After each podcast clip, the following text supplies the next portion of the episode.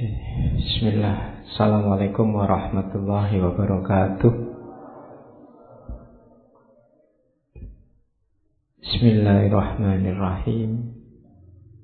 Alhamdulillahi Rabbil Alamin Wa bihi nasta'inu ala umuri dunya waddin Allahumma salli wa sallim wa barik ala habibina wa syafi'ina Sayyidina wa maulana Muhammadin wa ala alihi wa ashabihi wa man tabi'ahum bi ihsanin ila yaumiddin. Amma ba'du. Bismillah kita awali ngaji kita malam hari ini. Pas di hari libur hari Isra Mi'raj. Harusnya temanya Isra Mi'raj ya. Cuma ya tidak apa-apa kita cari tema lain. ya yang penting kita ambillah sedikit hikmahnya Isra Mi'raj dalam kehidupan kita. Sebenarnya ada banyak pelajaran yang bisa kita ambil dari peristiwa besar Isra Mi'raj itu. Ya selama ini kita menikmati Isra Mi'raj itu hanya sebagai hari libur. Banyak momen-momen penting yang kita nikmati hanya sekedar sebagai hari libur. Masih ada satu Muharram, masih ada Maulud Nabi, hari raya Idul Fitri, Idul Adha. Kita temui momen-momen itu setiap tahun hanya sebagai libur termasuk Isra Mi'raj ini. Ya banyak kapan-kapan kita ngaji itu ya. Ibnu Arabi pernah nulis tentang Isra Mi'raj itu secara rohania. Beliau nulis kitab yang judulnya Al-Isra ila Maqamil Asra. Itu perjalanan rohaninya seorang sufi dengan benchmarknya peristiwa Isra Mi'raj. Dari Isra Mi'raj kita juga bisa belajar bagaimana akal itu sangat terbatas. Isra Mi'raj itu salah satu mukjizat. Makanya ayat yang menjelaskan Isra Mi'raj itu kan diawali dengan kata-kata subhana. Subhanalladzi asra bi abdihi dan seterusnya. Maha suci Allah, maha besar Allah, menunjukkan kebesarannya Allah. Karena itu kalau ada yang tanya, apa masuk akal Pak Isra Mi'raj itu harus tidak masuk akal, wong itu mukjizat. Kalau mukjizat kok masuk akal berarti biasa-biasa saja. Dia memang harus luar biasa. Jangan-jangan itu rohani saja Pak, bukan jasmani. Kalau ruhani saja tidak luar biasa. Kamu juga bisa membayangkan mimpi sampai di Masjidil Aqsa malam ini. Tapi karena ini peristiwa luar biasa, bisa dipastikan jasmaninya juga. Buktinya apa? Allah menyebut subhanalladzi asra bi abdihi. Bi abdihi itu hambanya. Jadi masih di level kehambaan berarti jasmani dan rohaninya tidak cuma rohaninya saja. Dan itu asro asro itu memperjalankan. Pelaku utamanya adalah Allah bukan Nabi. Kalau pakai bahasa kita sekarang Nabi Muhammad itu dipiknikkan oleh Allah bukan piknik sendiri. Dari Masjidil Haram ke Masjidil Aqsa dan seterusnya Iklan dulu ya, ada pesawat.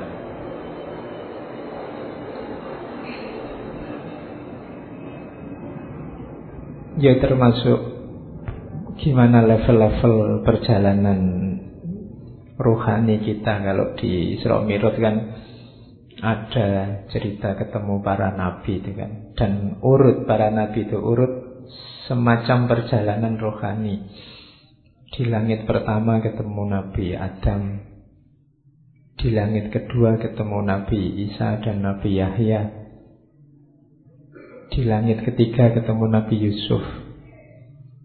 Di langit keempat ketemu Nabi Idris. Simbol intelektualitas. Nabi Yusuf simbol kematangan. Nanti Nabi Isa, Nabi Yahya simbol kepemudaan, gairah. Kemudian di langit kelima ketemu Nabi Harun yang pinter orasi, pinter ceramah. Di langit keenam ketemu Nabi Musa yang tegas. Di langit ketujuh ketemu Nabi Ibrahim, puncaknya spiritualitas. Ini momen-momen perkembangan rohani. Ada maknanya, cuma kapan-kapan saja yang ngomong itu.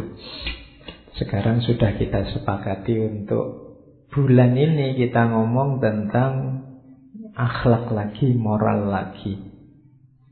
Ya, mendinginkan mesin lah ya. Sebelum kita memasuki bulan Ramadan.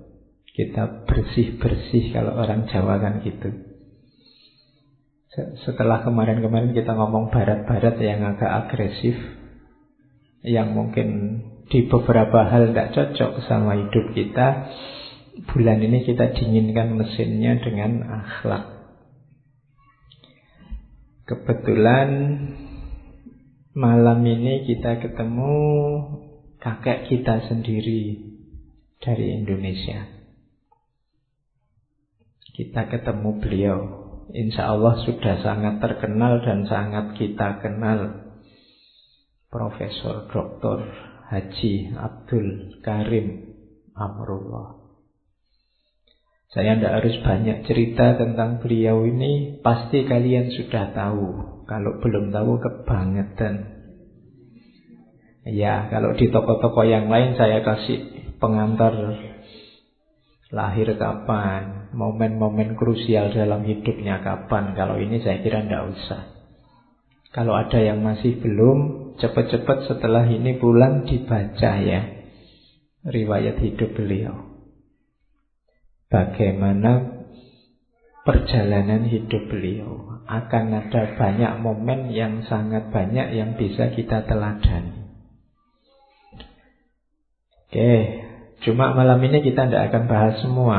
Saya hanya bawa satu bukunya beliau, Lembaga Budi. Sedikit saya cerita tentang budinya Hamka ini Hamka ini dikenal sebagai tokoh yang selain istiqomah, beliau juga budinya baik. Mudah memaafkan, kemudian apa? Tidak kaku dalam beragama. Ada cerita Yohamka ini nanti aktivitasnya dari Masumi nanti kemudian Muhammadiyah. Tapi banyak cerita tentang bagaimana kalau urusan yang ikhtilafiyah, Hamka ini toleran. Beliau banyak disengsarakan oleh rival-rival politiknya, tapi nanti di akhir hidupnya bisa memaafkan. Bahkan rival-rival ini minta tolong beliau seperti Soekarno, Muhammad Yamin. Itu di akhir-akhir hidup mereka inginnya disolati dan didoakan oleh Hamka. Setelah meninggal termasuk sama Pak Pramudia. Pak Pramudia itu dulu sama Hamka ada sedikit masalah karena lewat hariannya Pak Pramudia Hamka ini nanti diserang dituduh pelagiat. Cuma ayo nanti belakangan waktu Pak Pram ini mau mantu Anaknya namanya Astuti sama Pram calon mantunya disuruh belajar agama dulu ke Hamka. Dan sama Hamka ya ndak apa-apa, ndak mentang-mentang dulu mantan musuh lah kok enak, ndak ada gitu. Tetap diajari, diislamkan. Itu budi namanya. Oke, kenapa judulnya bukan akhlak tapi lembaga budi? Itu perlu kita bahas. Budi itu dari bahasa Sang Sekerta. Ya, masih ingat kan Buddha itu mengalami pencerahan di bawah pohon Bodhi, masih satu akar kata. Kita juga punya istilah budaya, masih satu akar kata. Orang zaman dulu di naskah-naskah buku-buku ilmiah zaman dulu sering pakai istilah tidak cuma akal, tapi selalu akal budi. Tidak sekedar rasio, tapi ada kalimat budinya. Kemudian ada juga budi pekerti. Itu kalian harus cari rahasianya. Jangan-jangan orang dulu lebih arif daripada kita dalam penggunaan istilah-istilah. Budi dari bahasa Sangsekerta Kadang diartikan akal memang, tapi lebih dekat pada makna kesadaran atau akal yang sadar. Itu budi. Makanya ada budi pekerti, berarti tindakan yang dilandasi oleh kesadaran. Dan itu nanti hasilnya ya bermoral. Ada juga akal budi. Jadi akal yang dijalankan dengan penuh kesadaran penuh bertanggung jawaban. Jadi di buku-buku filsafat zaman dulu itu juga pakai istilah akal akal budi, tidak cuma akal. Apalagi akalnya double, nanti lahirnya akal-akalan. Kalau sudah akal-akalan bukan akal lagi. Ya. Makanya kita ada hutang budi. Tidak ada istilah hutang akal. Hutang budi itu berarti ada orang berbuat baik pada kita, kita merasa bertanggung jawab untuk balik melakukan perbuatan baik juga. Saya lupa itu pernah lihat film yang perbuatan baik di model kayak MLM. Model MLM itu kalau ada orang berbuat baik padamu sekali, kamu bertanggung jawab melakukan perbuatan baik tiga kali pada tiga orang. Nanti yang dapat perbuatan baikmu sekali ini juga dia bertanggung jawab cari don lain untuk berbuat baik juga tiga kali ke bawah. Nanti terus gitu, nanti isinya banyak orang baik.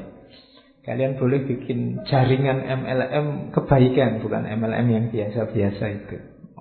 Itu kan inspiratif. Jadi kalau cuma yang baik-baik ya, bukan yang jelek-jelek nanti orang nyontekin kamu sekali, saya contekkan ke teman yang lain tiga kali, nah gitu. Ya, Nanti kamu di-share video gitu-gitu sekali tak share ketiga teman yang lain tidak begitu. Perbuatan baik ya bukan share yang ceramah kebaikan itu. Karena kadang-kadang yang ceramah itu ya, nyebeli juga. Oke, kita lihat bukunya Hamka Lembaga Budi. Kalimat-kalimat kalau di bukunya Hamka itu enak dibaca. Agak puitis karena beliau juga budayawan ya sastrawan. Ya ulama pastinya. Jadi enak dibaca.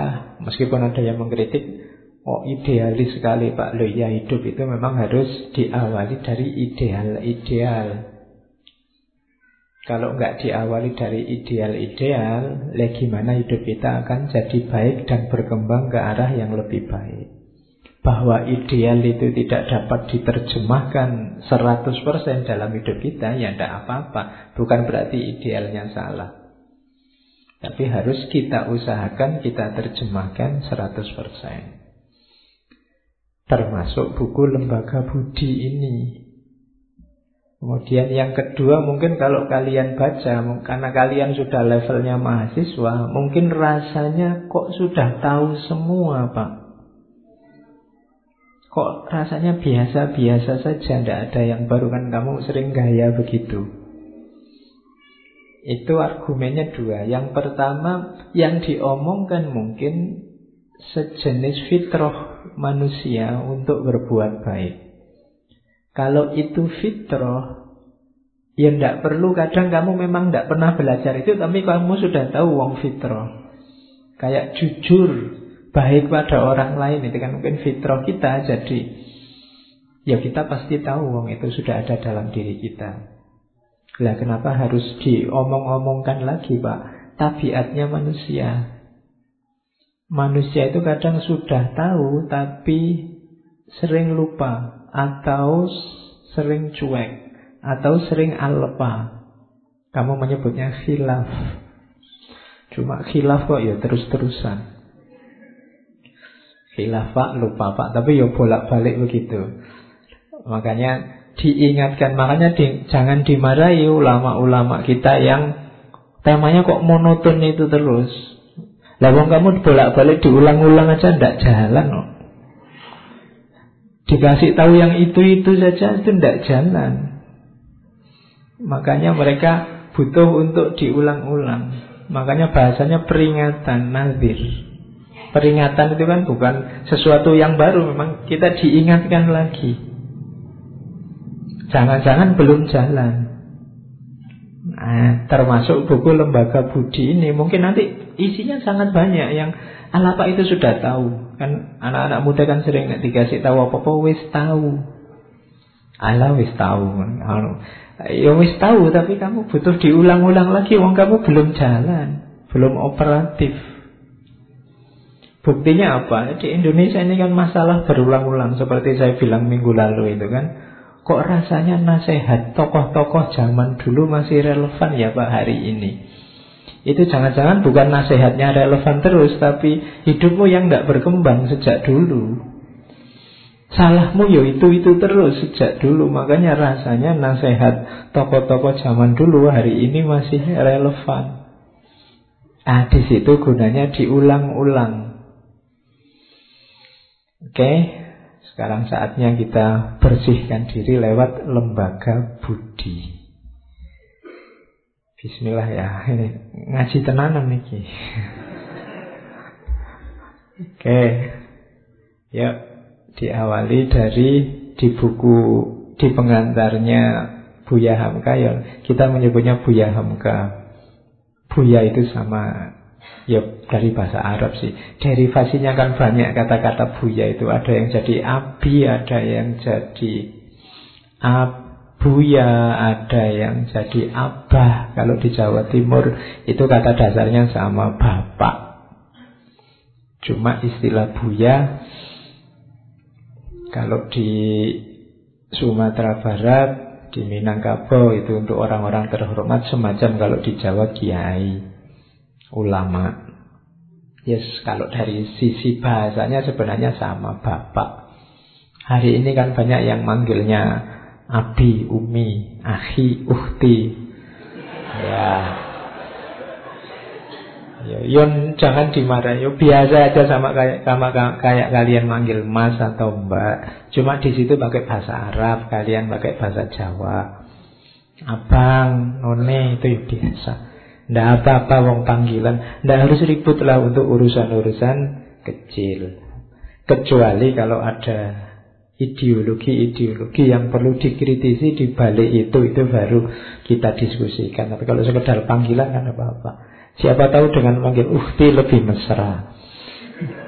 Ya, kalau manggil mbak kok rasanya non formal tapi kalau kaifa uhti itu kan lebih ya lebih rasanya lebih solihah gitu. Oke, okay. nah, iya toh. Oke, di bagian awal ya itu pasti bahwa Rasulullah itu tugas utamanya adalah akhlak. Itu kan hadis innama bu istuli utamima makarimal akhlak. Jadi akhlak ini, budi ini tugas utamanya Rasulullah. Maka siapa pun yang ingin mensukseskan dakwah perjuangannya Rasulullah jadikan akhlak sebagai pedoman. Oke.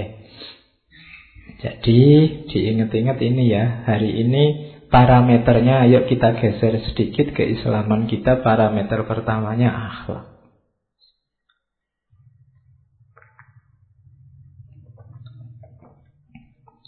Karena Kata Rasulullah, "Innama bu'istu utammima makarimal akhlak." Yang kedua itu syair dari Sauki Bek. Dikutip juga oleh Hamka, sesungguhnya keberadaan bangsa-bangsa itu karena akhlaknya. Kalau akhlaknya lenyap, maka lenyap pula bangsa itu. Jadi hati-hati keberadaan kita sebagai bangsa, katanya Saukibek yang dikutip oleh Hamka, ada di akhlak. Prihatinkanlah fenomena apa pun yang menunjukkan kerendahan budi, kerendahan akhlak. Karena itu akan mengancam eksistensi kita sebagai bangsa. Ya pertama-tama mengancam eksistensi kita sebagai manusia. Manusia akan punah dengan punahnya moralitas, punahnya akhlak. Kalau tidak percaya boleh dicoba. Hari ini boleh kamu deklarasikan setiap orang boleh melakukan apa saja sesuai keinginannya, tidak usah peduli aturan apa pun. Kalau malam ini turun wahyu semacam itu, percayalah besok pagi sudah kiamat. Sudah rusak tidak karu-karuan. Orang memenuhi keinginannya sendiri, hasratnya sendiri, nafsunya sendiri. Wis pulang dari sini kamu nginep berdua berdua, kemudian Besok pagi ada barangnya siapa kamu ambil Begitu moral selesai rusak Kita punya beberapa kali pengalaman kerusuhan masa Itu bukti paling nyata ketika orang tidak lagi peduli moralitas dan akhlak Jadi sesungguhnya Kelestarianmu tergantung pada akhlak. Kepunahanmu tergantung pada akhlak. Ini sajaknya Saukibay maka kalau sekedar beda pandangan, beda pilihan calon presiden, beda pilihan caleg, tidak masalah. Kamu tidak harus terlalu galau, tidak harus terlalu gelisah. Tapi kemerosotan moral ini tanda-tanda kita akan segera hancur. Prihatinkanlah, carikan solusi kalau memang ada.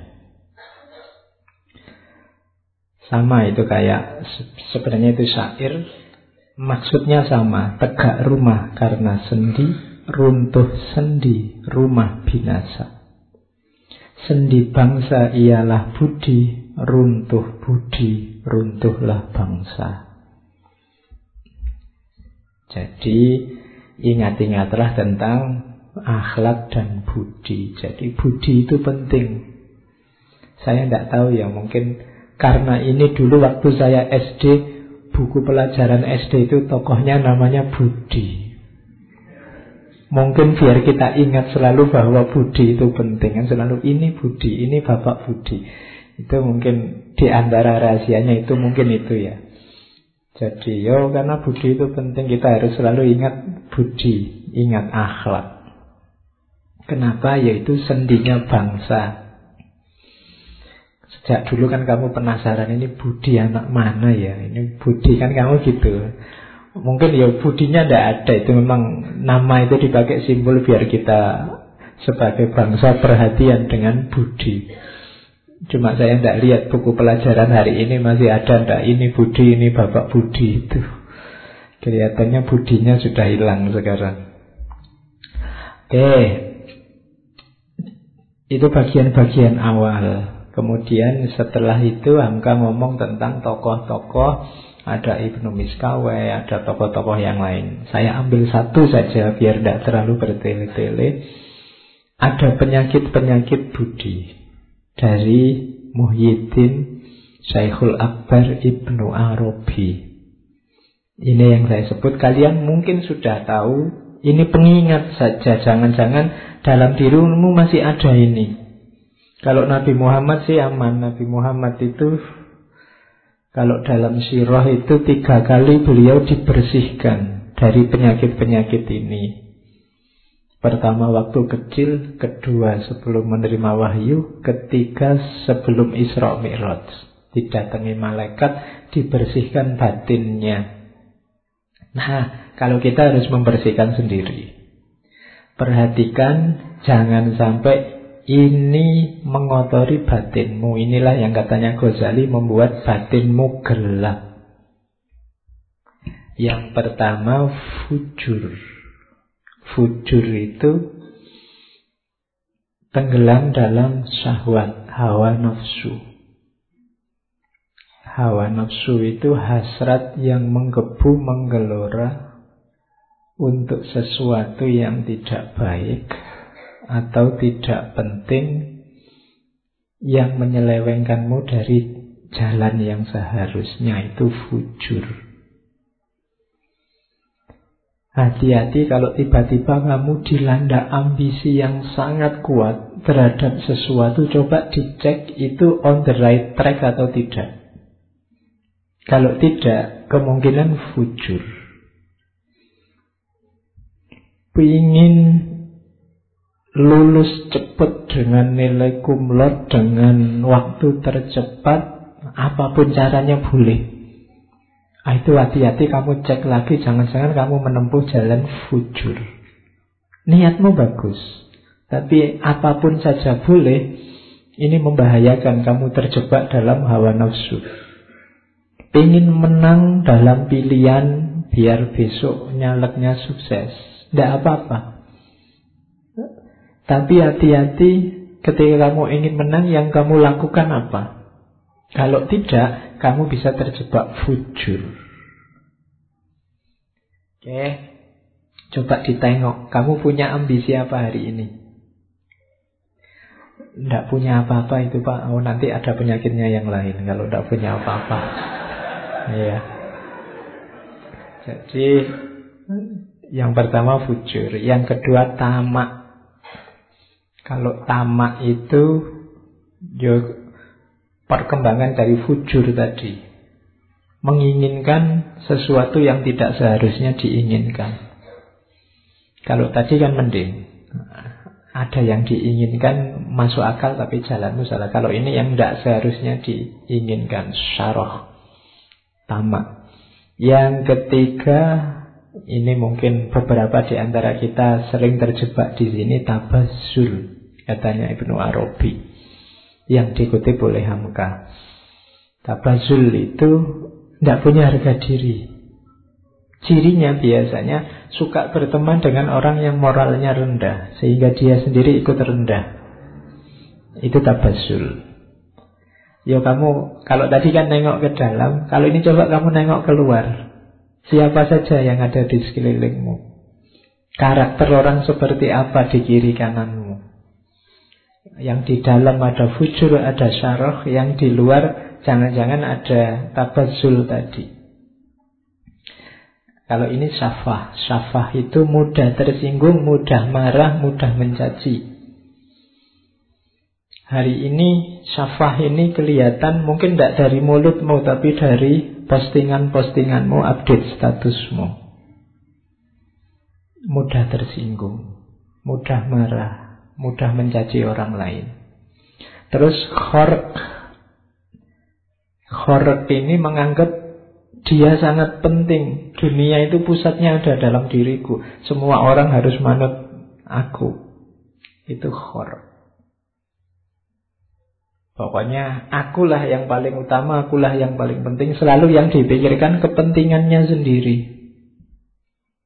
Pak Mbok ngajinya itu malam minggu gitu loh Pak Kok malam minggu? Kan pas saya libur Liyo kamu Ya kan? Usul selalu berdasarkan kepentingannya sendiri di antara pelajaran dari Isra Mi'raj tadi itu kan kalau katanya Muhammad Iqbal ada namanya kesadaran profetik. Nabi tidak mikir kepentingannya sendiri. Kalau Nabi berpikir kepentingannya sendiri sudah selesai dengan bertemu Allah di Sidratul Muntaha itu kenikmatan paling puncak. Tidak ada lagi yang lebih nikmat dari itu. Kan nikmat bertemu Allah besok yang dinanti oleh seluruh penghuni surga Karena itu kenikmatan paling puncak. Tapi Nabi tidak berpikir dirinya. Nabi masih berpikir tentang umatnya. Nah itu berarti tidak ada khorek. Tidak hanya mikir dirinya Nabi juga mikir umatnya. Makanya Waktu dipuji oleh Allah itu kan waktu kita lahir akhir kan At-tahiyatul mubarakatus sholawatut tayyibatulillah Terus Allah menjawab Assalamu alaika ayuhan nabiyyu wa rahmatullahi wa barakatuh Tapi Rasulullah Ya Allah menjawab Assalamualaikum ayuhan nabiyyu wa rahmatullahi wa barakatuh. Terus Rasulullah tidak egois, malah Rasulullah membawa umatnya assalamu alaina wa ala ibadillahis solihin. Ini percakapan antara Allah dan Rasulullah. Itu berarti apa? Nabi tidak egois. Tidak mentang-mentang wis aku wis sukses sudah ketemu Allah, apalagi yang aku cari buat apa capek-capek balik. Wong Nabi ini sedang berat-beratnya hidup setelah ditinggal Khadijah, ditinggal Abu Talib. Dakwah sendiri dilempari batu. Ujiannya luar biasa, bahkan ada riwayat yang mengatakan ujian paling ringan saat itu yang dihadapi oleh Rasulullah adalah satu ketika beliau keluar dari rumah dicegat oleh orang Quraisy terus kepalanya ditaburi pasir. Itu dianggap ujian paling ringan. Saya tidak tahu kalau kalian keluar rumah dicegat orang kepalamu ditaburi pasir itu mungkin celuritnya keluar. Tapi kalau Rasulullah tidak. Bahkan waktu dilempari batu di Taif itu malaikatnya aja sampai tidak kuat. Katanya malaikat Rasulullah kalau kamu mau bumi Taif saat ini juga aku balik. Jadi hancur semua Taif orangnya masuk liang lahat semua. Tapi jawabannya Rasulullah, ya janganlah. Katanya Rasulullah, mereka itu begitu karena tidak tahu. Makanya Nabi malah mendoakan, Allahumma di qaumi fa innahum la ya'lamun. Ya Allah, beri hidayah kaumku mereka itu tidak tahu, jangan disiksa, orang tidak tahu kok. Nah itu Rasulullah mikir umatnya, tidak khork. Kan hari ini banyak orang yang difikirkan dirinya sendiri, terus tidak kosawah, tidak benci dan dendam. Ini juga yang kita susah. Kita biasanya suka sekali memelihara kebencian. Kalau sudah benci sama orang, kapan pun dan di mana pun dibawa ke mana-mana. Wong kita memelihara kucing aja ditinggal di rumah. Tapi memelihara kebencian ke mana-mana kita bawa. Mbok yuk ditinggal sekali-sekali. Tapi kebencian dan dendam ini kita bawa terus. Itu kosawah. Apa sih untungnya kamu membawa ke mana-mana benci dan dendam itu? Tidak ada untungnya selain kamu sendiri yang berat. Wong yang kamu benci itu tidak tahu kamu serepot itu membawa-bawa dirinya ke mana-mana. Jangan-jangan yang kamu benci sedang senang-senang. Kamu sumpek terus dalam hatimu. Jadi kamu sibuk sendiri, sumpek sendiri, KO-KO sendiri. Tidak, jangan kau sawah. Terus khodar, khodar itu memungkiri janji, mengkhianati ampunan. Kalau khodar itu sudah dimaafkan, berkhianat lagi. Ini penyakit budi yang agak parah. Tadinya salah dimaafkan, tadinya keliru dimaklumi, balik lagi ya itu budi yang cacat. Janganlah ya kalau sudah dimaafkan ya kalau bisa jangan diulang terus khianat kalau ini kita paham menyalahi amanah membuka rahasia juga termasuk akhlak tercela hati-hati sekarang hari ini orang itu tidak hanya membuka rahasianya orang lain tapi dengan sukacita membuka rahasianya sendiri. Kalau tidak percaya, mau tontonan postingannya teman-temanmu itu. Mau sekedar makan di angkringan aja diposting, cekrek. Terus menu siang ini, kan kamu gitu selalu. Itu bongkar rahasianya dewe. Kadang-kadang mau ke mana itu posting. Oke, jangan ya, eman-eman. Hidup itu jadi menarik ketika ada misteri-misteri. Kalau terbuka 100% itu tidak enak. Kalian yang punya pasangan, perhatikan rumus ini. Loh iya, kalau kamu sedang masih ada misterinya, masih ngejar-ngejar, itu kan masih, wah ini tidak tahu aku dia itu senang bener sama aku apa enggak. Itu kan kamu masih penasaran. Tapi begitu diterima, selesai, tidak menarik lagi. Sudah selesai. Jadi biarkan dirimu ada misteri-misterinya dikit gitu loh. Jangan terlalu diobral. Jadi itu rumusnya. Jangan langsung diiyani kalau dikejar. Rodo dikasih PHP dikit-dikit tidak apa-apa. Biar penasaran ngejar-ngejar. Meskipun besok sudah jadi, usahakan masih ada yang dikejar-kejar, ada yang misteri. Bahkan agama itu menarik sampai hari ini, itu karena masih banyak misterinya. Kamu kan masih penasaran kira-kira surga besok itu ada benar apa enggak, neraka ada benar apa enggak. Bahkan kamu penasaran yang bunuh diri jadi teroris itu ketemu bidadari benar apa enggak. Itu kan misteri-misteri. Itu yang sampai hari ini orang masih kalau terbongkar semua misterinya itu bisa gawat besok orang ah kalau surga cuma kayak gitu tak bikin sendiri surga sekarang ah bisa begitu. Tapi justru agama itu membuat kita terikat karena banyak misterinya. Oke, jadi jangan mudah membongkar rahasia dirimu sendiri atau rahasianya orang lain. Takabur ini pasti biangnya semua kerendahan budi itu kesombongan. Kemudian khobas. Niat jahat, niat saja kalau bisa jangan. Awas kau, hati-hati. Anda, anda usah begitu. Itu sudah niat jahat. Lihat saja tiga tahun yang akan datang. Tidak lah, tidak usah pakai begitu. Tidak usah dilihat tiga tahun. Sekarang aja yang enak-enak, ayo bareng-bareng. Khobas namanya. Tidak usah niat jelek. Bahil juga jangan. Juben, pengecut. Jangan. Pengecut itu tidak berani ngambil resiko. Hasad, ini kita sudah tahu. Jelek hatinya. Ingin orang lain susah. Kalau ada orang lain senang, dia sumpah. Itu hasad. Susah lihat orang lain senang, senang lihat orang lain susah. Itu berarti hasad. Hari ini tidak sadar kita sering hasad. Khususnya pada orang yang beda dengan kita. Termasuk yang beda pilihan dengan kita. Kalau kubu sana jelek, Alhamdulillah. Ya kan? Kamu kan gitu setengahnya. Oh, bener toh? Nah, kamu mesti gitu. Itu namanya seneng lihat yang lain jelek. Dan susah kalau lihat yang lain baik. Sebenarnya diam-diam di hatimu ada rasa hasut. Dan kita disuruh berdoa untuk berlindung dari orang-orang yang hasut ini di surat Al-Falaq. Ya kan? Wa min syarri hasidin idza hasad. Karena orang hasad ini merugikan dalam hidup kita. Yang selanjutnya jasa. Jasa ini kayak juben. Tidak berani susah, tidak berani menghadapi resiko. Nah, yang tadi saya bilang males-malesan itu juga penyakitnya budi. Namanya sohirul himmah. Keinginanmu apa? Cita-citamu apa? Tidak tahu pak, saya mengalir saja. Nah, ini penyakit budi juga. Ya kamu harus tahu. Hidup itu dalam kuasamu, jangan mengalir saja. Arahkan ke yang baik-baik sesuai yang kamu tahu. Lakukan yang bagus-bagus sesuai keinginanmu. Jangan sohirul himmah. Harus punya target.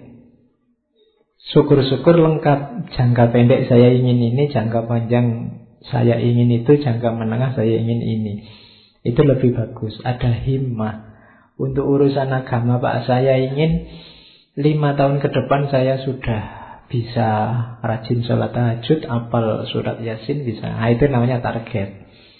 Kalau untuk urusan studi saya ingin dua tahun lagi lulus karena kalau enggak mesti DO. Nah, terus untuk lo lah, ya caranya begitu. Jangan sowirul himmah, ndak punya karep. Kelemahannya anak muda hari ini banyak yang ndak jelas. Cita-citanya apa, keinginannya apa. Dan yang terakhir al-jawur. Kalau ini berlebihan. Ya baik sih, cuma apa-apa itu ada kadarnya. Harus tahu takarannya. Jangan over. Semua yang over itu jelek. Termasuk kebaikan. Ada beberapa kebaikan yang kalau over ya jelek. Islam itu suka keseimbangan. Nabi Muhammad itu mengkritisi kalau ada sahabatnya yang sholat terus ibadah terus itu dimarahi sama Nabi. Yo sholat, yo istrimu diopeni, yo ya kerja. Jadi imbang antara dunia akhirat. Keseimbangan ini menunjukkan bahwa Kita jangan berlebihan. Akhirat ya, dunia ya. Oke, jadi ini penyakit-penyakit budi menurut Ibnu Arabi yang dikutip oleh Hamka. Jadi cara paling gampang untuk belajar budi ya cari penyakitnya. Yang tidak ada ini berarti insya Allah masih tergolong baik. Kan gitu. Oke, terus. Nah, ini nasihat juga dari Hamka. Cara mengenali kekurangan diri. Kan sering saya suruh mbok yo kita muhasabah. Ayo kita cek hidup kita. Tapi ini kan tidak gampang. Kamu mungkin minat, tapi susah pak. Caranya gimana? Nah, Hamka ngasih beberapa tips dalam lembaga budi. Saya ini punya penyakit diri saya apa saja sih Pak? Mungkin kamu sendiri tidak tahu karena kamu terlibat terus dalam dirimu. Setiap kali saya ngomong tadi kejelekan-kejelekan budi yang ada di pikiranmu selalu orang lain. Bukan dirimu. Karena susah memang mendeteksi kelemahan diri sendiri. Selalu orang lain. Selalu kamu ngomong, oh itu kubu sana banyak yang gitu Pak. Tadi saya ngomong hasut, hasut itu kan mesti dalam pikiranmu, iya pak, yang kubu sana yang bukan pilihanku, sini hasut semua. Yang kubu sini juga begitu. Begitu sih ngomong, wah banyak sekali menyebarkan hoax. Oh, iya pak, kubu sana, selalu kubu sana. Tidak pernah kamu cermati dirimu sendiri karena memang kamu terlibat terus dengan dirimu. Kalau terlibat terus kan memang susah introspeksi. Maka Hamka ngasih beberapa tips Yang pertama katanya Hamka ada jalan mudah. Cari guru yang wawasannya luas dan memang mengerti tentang akhlak, tentang cacat-cacat yang tersembunyi. Jadi cari guru yang bisa dipercaya. Ini lebih mudah. Dalam dunia tasawuf itu, dunia torekot itu bahkan seorang murid kalau ingin diperbaiki oleh gurunya, pasrah saja 100% pada gurumu. Kadang-kadang gurunya menyuruh aneh-aneh. Kita tidak paham karena ini kok disuruh gini tuh ya, tujuannya apa. Tapi gurumu lebih ngerti. Kalau di torekot disuruh pasrah saja. Guru lebih tahu. Perkembangan mentalmu, perkembangan rohanimu. Kadang-kadang saya beberapa kali mengalami Datangnya pakai kendaraan sama guru torekot ini. Sudah kamu pulangnya jalan kaki aja Padahal itu mungkin puluhan kilo. Itu kan kelihatan tidak masuk akal apa sih gunanya ini. Tapi ada gunanya pasti. Mungkin untuk membunuh egomu Membunuh ketergantunganmu pada dunia Macam-macam. Gurumu yang mengerti. Guru rohani itu kayak dokter Kalau dunia jasmani kamu kan tidak paham itu dokter ini kok obat diminum sehari tiga kali, mbak wis diminum sepuluh kali kan cepat sembuh misalnya. Lo yang ngerti dokternya. Kamu tidak jangan istiad sendiri atau urusan obat. Nanti kamu ngarang-ngarang sendiri misalnya. Tidak, nah sama kayak rohani. Mungkin kamu punya rumus sendiri kok. Harusnya begini, tidak. Coba tanya yang ahli. Jangan-jangan kamu ingin mengobati hasadmu, akhirnya malah jatuhnya jadi sombong. Jangan-jangan kamu ingin mengobati sohirul himmah tadi, akhirnya malah overconfident. Kan bisa begitu. Yang ngerti takarannya siapa? Guru. Maka jalan gampang untuk mendeteksi kamu ada penyakit jiwa apa? Cari guru. Itu mudah. Bukan berarti kalau tidak punya guru terus tidak bisa, ya bisa. Cuma akan lebih mudah kalau kamu punya guru. Oke, yang kedua mungkin susah nyari guru hari ini. Gurunya sibuk nyari sampingan macam-macam sehingga kamu mau ketemu saja susah. Nah, cari sahabat. Sahabat tapi yang jujur, tapi yang juga wawasannya luas. Kalau sahabatnya yo podo mursale yo podo wae.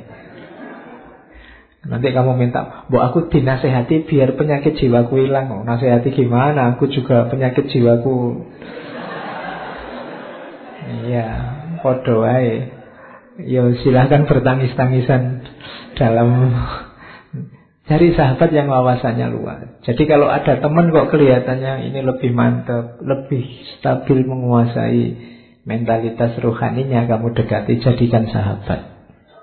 Siapa tahu membantu perkembangan rohanimu. Misalnya ada teman, aku suka loh temanku ini jujur sekali, dekati dia, belajar kejujuran dari dia, mungkin bisa mengobati penyakit khianatmu. Temanku ini tulus sekali ya. Kamu dekati saja jadi teman mungkin bisa ngasih tips padamu gimana biar kamu tidak hasut. Caranya begitu. Cari sahabat, cari teman yang berpandangan luas sesuai kebutuhanmu. Yaitu kalau kalimatnya angka juga yang beragama. Serius sama agamanya. Biasanya lebih mudah dipercaya. Sahabat tidak punya, guru tidak punya. Ada tips lagi. Dengarkan musuhmu. Ini agak unik. Musuh itu biasanya yang bisa cepat menemukan jelekmu di mana. Iya, musuh itu kan selalu nyari jelekmu ada di mana. Oh, berarti gampang. Kalau kamu ingin saya itu jeleknya di mana, kok tidak tahu, cari musuhmu. Aku itu salah apa padamu? Nah, dengarkan jawabannya. Ya. Oh, berarti salahku di situ. Nah, diperbaiki. Emangnya kamu ku buat sakit apa? Oh, terus dia jawab kan meskipun sambil maki-maki. Dengarkan saja. Oh iya, berarti aku lemah di situ. Itu cara lain sebenarnya. Jadi cari musuh. Yo meskipun kalau merasa tidak punya musuh, ya jangan bikin-bikin musuh. Nanti kamu tidak punya musuh, nanti bikin-bikin musuh. Nggak. Kalau kebetulan ada orang yang tidak suka sama kamu, yang benci sama kamu, ayo. Kamu manfaatkan kebenciannya untuk kebaikanmu. Nah, kan enak ini kan. Selama ini kan kebencian kamu lawan dengan kebencian, sehingga yang kamu dapat hanya rasa dendam tadi. Nah, sekarang ada orang benci sama kamu, biarkan dia ngomong banyak. Maki-makilah aku. Bongkarlah semua kejelekanku, silahkan aku tunggu. Alhamdulillah aku bisa muhasabah, tidak capek-capek. Oh, berarti kelemahanku selama ini itu. Oh, berarti orang sakit hati kalau saya kayak gini itu. Itu kan muhasabah namanya. Kamu sendirian tidak ngerti. Makanya kalau kamu punya akun medsos ada orang maki-maki, orang benci, lo alhamdulillah ada Orang ngasih pelajaran gratis. Ah, berarti kelemahanku di situ. Ini belajar ini aku. Oke, jadi ambil faedah dari musuh. Terus yang keempat, ya belajar dari pengalaman orang lain. Kalau ini membaca realitas. Oh, seperti itu ya jeleknya hasut itu. Berarti aku jangan begitu. Oh seperti itu ya rusaknya kalau orang saling membenci itu berarti aku jangan begitu. Nah itu cara mengenali kekurangan diri. Jangan masuk ke lubang yang sama yang sudah dimasuki orang lain dan celaka. Kenapa kita bolak-balik mengulang kesalahan yang sama? Karena kita tidak belajar. Pak, yang dilarang kan kita melakukan kesalahan yang sama. Kalau kesalahan orang kan tidak sama saja. Jadi kalau meskipun itu orang lain yang celaka, ya kamu jangan ngulang itu. Kan saya belum, Pak. Kan dia yang celaka, ya tidak begitu. Kan yang disebut rugi itu kan orang yang mengulang kesalahan yang sama. Ini kan saya baru kesalahan pertama, Pak. Ya tidak begitu. Kalau orang lain salah dan celaka dengan itu, masa kamu juga mau ikut celaka? Jadi belajar. Sangat banyak pelajaran sebenarnya kalau kita membuka mata, buka telinga. Hanya saja mungkin kita tidak peka atau tadi batin kita agak gelap sehingga tidak bisa membaca lebih jernih pengalaman-pengalamannya orang lain. Jadi ada empat jalan kalau ingin meningkatkan kualitas hidup kita, mengenali kekurangan kita. Bisa cari guru, bisa cari sahabat, bisa memperhatikan musuh kita atau yang terakhir perhatikan pengalaman orang lain. Makanya setiap detik hidup kita itu pelajaran demi pelajaran. Tidak ada yang tidak pelajaran. Untuk hidup kita biar lebih baik. Oke. Terus, nah setelah ini terus di buku Lembaga Budi itu tentang kebaikan-kebaikan budi-budi beberapa profesi. Kalau ini saya tidak tidak harus menjelaskan panjang lebar ya. Kalian pasti sudah familiar dengan penjelasan-penjelasan ini. Bagi yang buka usaha, ayo bahasa sekarang mungkin wira swasta. Buka ingin kalian jadi majikan sendiri, buka usaha apa? Perhatikan budi ini. Jadi moral itu selain demi kualitas usahamu juga kalau dalam agama ada namanya barokah. Jadi mungkin untungnya secara kuantitas jadi kecil, tapi barokah.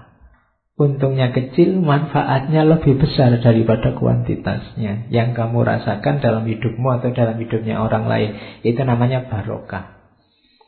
Di antara jalannya agar usahamu barokah penuhi budi-budi ini, akhlak-akhlak ini kalau menurut Hamka. Yang pertama ilmu itu pasti ya. Kalau tidak ada ilmu ya tidak mungkin kamu buka usaha jangan nekat. Tidak ngerti ilmunya. Kalau main komputer, main HP tidak bisa ya jangan buka usaha reparasi handphone. Itu namanya bunuh diri. Ya. Jadi harus tahu ilmunya. Yang kedua percaya diri, pasti ya. Harus pede, kalau masih ragu-ragu dimantapkan lagi niatnya dan kepercayaan dirinya. Yang ketiga niat, kemauan. Yang keempat manajemen waktunya diperbagus. Yang kelima fokus Kenapa banyak usahamu yang mungkin di antara kalian sekali dua kali pernah bikin usaha-usaha apa? Biasanya tidak fokus. Manajemen waktunya tidak bagus.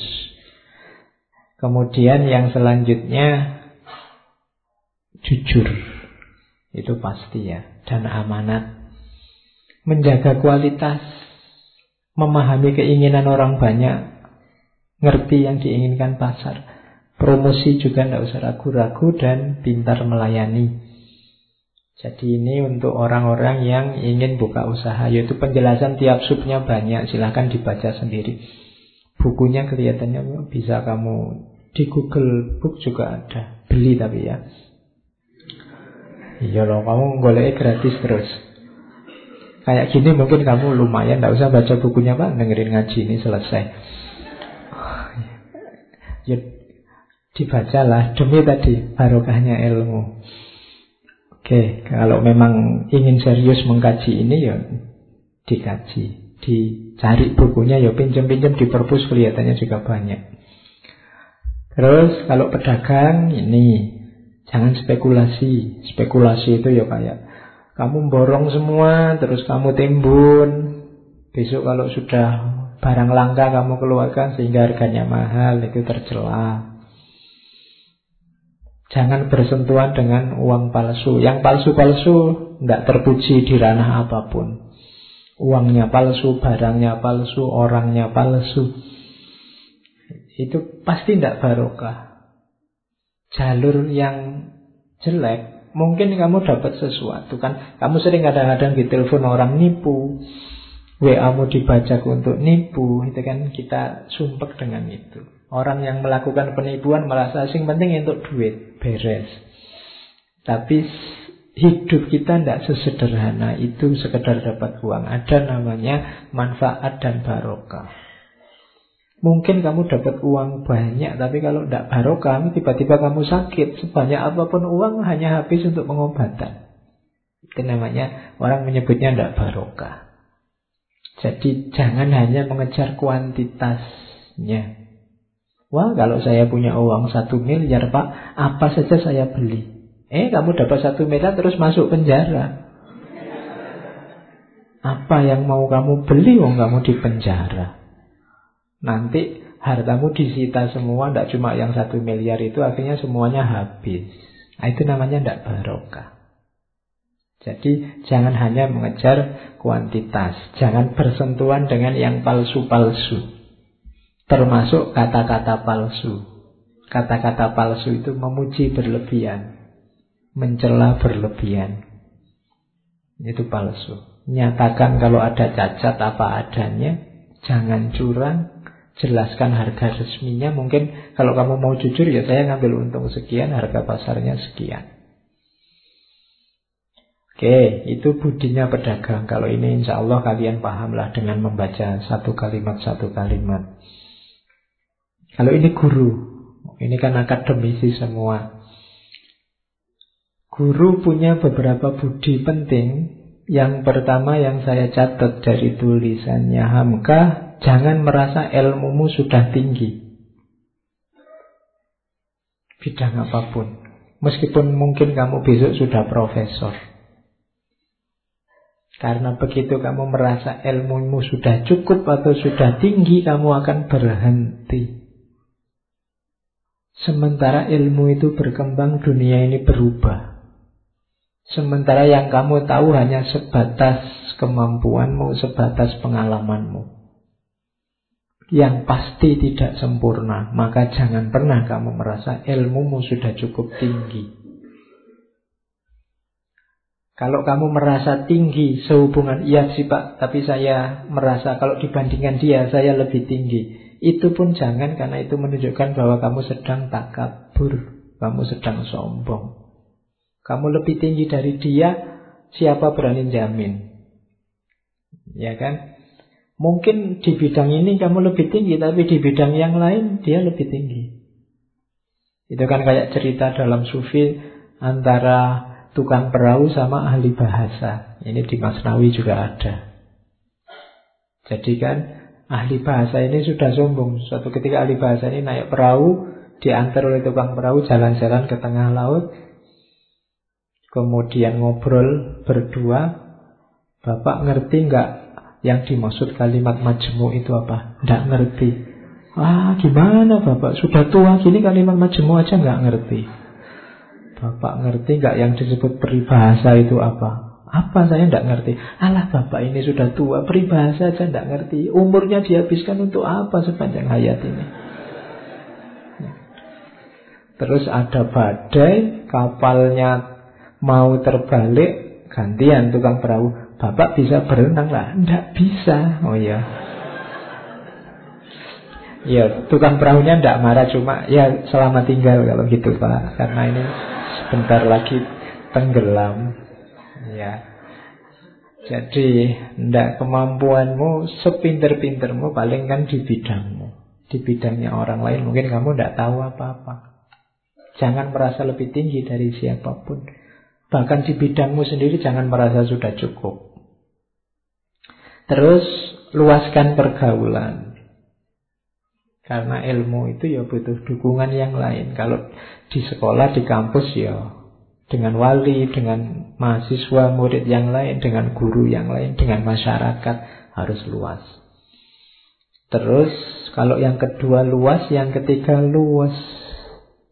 Bisa bergaul dengan siapa saja. Jangan milih-milih, jangan merasa elit. Kalau kamu pulang kampung besok jangan merasa wah sarjana ya. Terus kalau ngomong orang sak kampung tidak paham belas. Ya.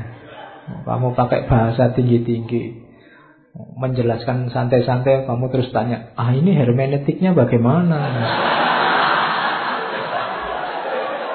Ya nah, kamu kan sering gitu. Ya wong kampung ya telah tolah hermeneutik panganan opo.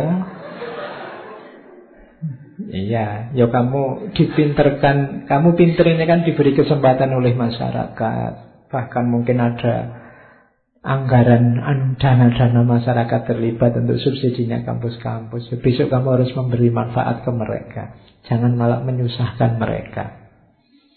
Kan hari ini banyak orang pinter itu yang isinya cuma menyusahkan. Setiap kali dia ngomong, besok pagi ada masalah muncul. Kan ada yang begitu, ya mbok jangan. Ilmu juga butuh barokah. Barokahnya ilmu itu, ya ilmu menjadi solusi dari banyak masalah. Usahakan setiap kali kamu ngomong, besok pagi ada masalah terselesaikan. Itu ilmumu barokah. Jangan sebaliknya, begitu kamu ngomong masalah muncul. Terus kamu diem aja kalau gitu nggak usah ngomong. Wong ya kamu cuma bikin susah. Oke, terus luwes ya bisa ke mana-mana, terus bisa memberi petunjuk, bisa membuka kalau ada muridnya, Pak, saya kok buntu ini tidak bisa mikir, kamu bisa buka pikirannya. Usahakan kamu bisa paling tidak beri semangat. Jangan malah kamu buntu saya sejak lama itu juga buntu misalnya. Itu nanti muridmu cuma oh guru newayo buntu yo. Enggak. Ya paling tidak besarkan hatinya. Ayo kita cari bareng-bareng jawabannya. Nah, jadi jadilah inspirator pada murid-muridmu. Jangan menjatuhkan semangat mereka. Dan juga jangan hanya mentransfer ilmu. Tanamkan juga sikap perilaku, kesadaran, kepercayaan diri pada mereka. Justru ini lebih penting. Kalau untuk nambah ilmu selanjutnya mereka bisa nyari ke mana-mana. Tapi pembentukan karakter ini perlu. Besok kalau kamu jadi guru, jadi mahasiswa, usahakan bisa masuk semua, tidak cuma ilmunya. Nah ini budinya seorang guru. Dokter, saya urut dari bukunya Hamka itu ya. Dokter itu pertama-tama harus logikanya logika kewajiban pada sesama. Logika pengabdian pada anak Adam seluruhnya. Logika pertama itu. Urusan bayaran, urusan imbalan itu nanti. Itu konsekuensi logis kok. Jangan jadi target. Kalau menurut bukunya Hamka. Jadi kalau target pertama harus menolong karena dokter itu citranya adalah penolong, pelindung, bahkan kayak ayah di depan anaknya pada siapa pun yang membutuhkan dia. Kalau di sini ada mahasiswa kedokteran, yang pertama memang harus kemanusiaannya.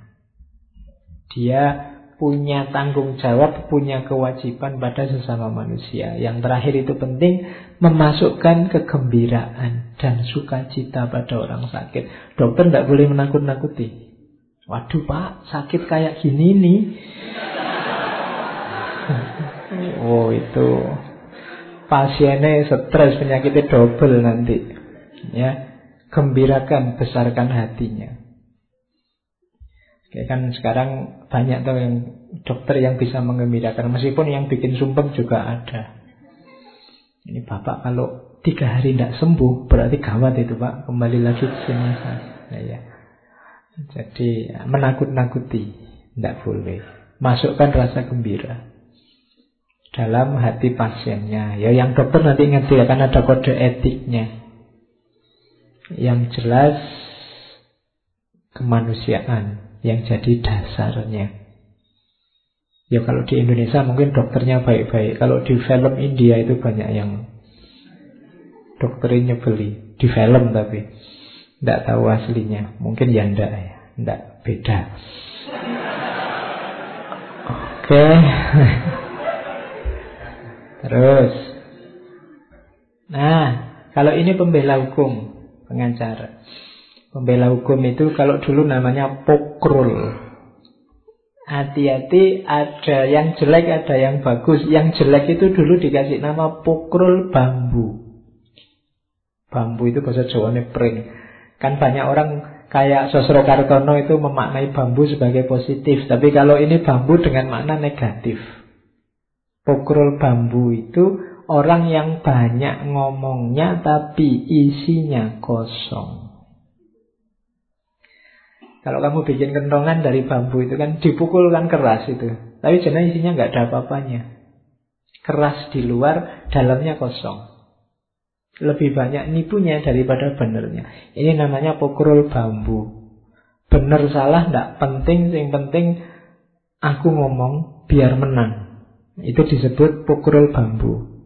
Dari pokrol bambu ini nanti terkenal istilah debat kusir. Debat kusir itu yang debat yang tidak produktif, yang dicari menang kalah. Logikanya tidak runtut, yang penting menang. Orang-orang semacam ini disebut pokrol bambu. Nah, kalau kalian lihat TV nanti banyak. Tidak ada isinya ngomong tok, yang penting menang. Dia sudah puas kalau lawan bicaranya jatuh. Targetnya cuma itu, bukan perbaikan sosial, bukan kemuliaan kemanusiaan. Yang penting musuhnya kalah, mau itu tok. Itu namanya pukrul bambu. Yang baik itu pembelakum ya pukrul, tapi pukrul yang bertanggung jawab. Berilmu, berpengetahuan, bijaksana, kuat hujahnya. Jadilah pembela hukum yang baik. Kemudian yang diperjuangkan ya hanya kebenaran. Tidak peduli apa pun selain keadilan. Mungkin dapat tugas membela yang salah, ya dibela agar yang salah ini seandainya dapat hukuman sesuai dengan kesalahannya. Bukan jadi sasaran balas dendam yang berlebihan. Bukan kok terus yang salah gimana caranya jadi benar. Itu namanya pembela hukum yang baik. Jadi pokrol yang luas pengalaman, pengetahuan, kalau ngomong juga baik dan argumentasinya juga baik. Nah, ada quote dari Hamka, seorang guru mendidik muridnya, walaupun murid itu nakal. Seorang pembela membela pesakitan walaupun yang dibela bersalah. Seorang dokter mengobati pasiennya walaupun pasien itu tidak bisa membayar.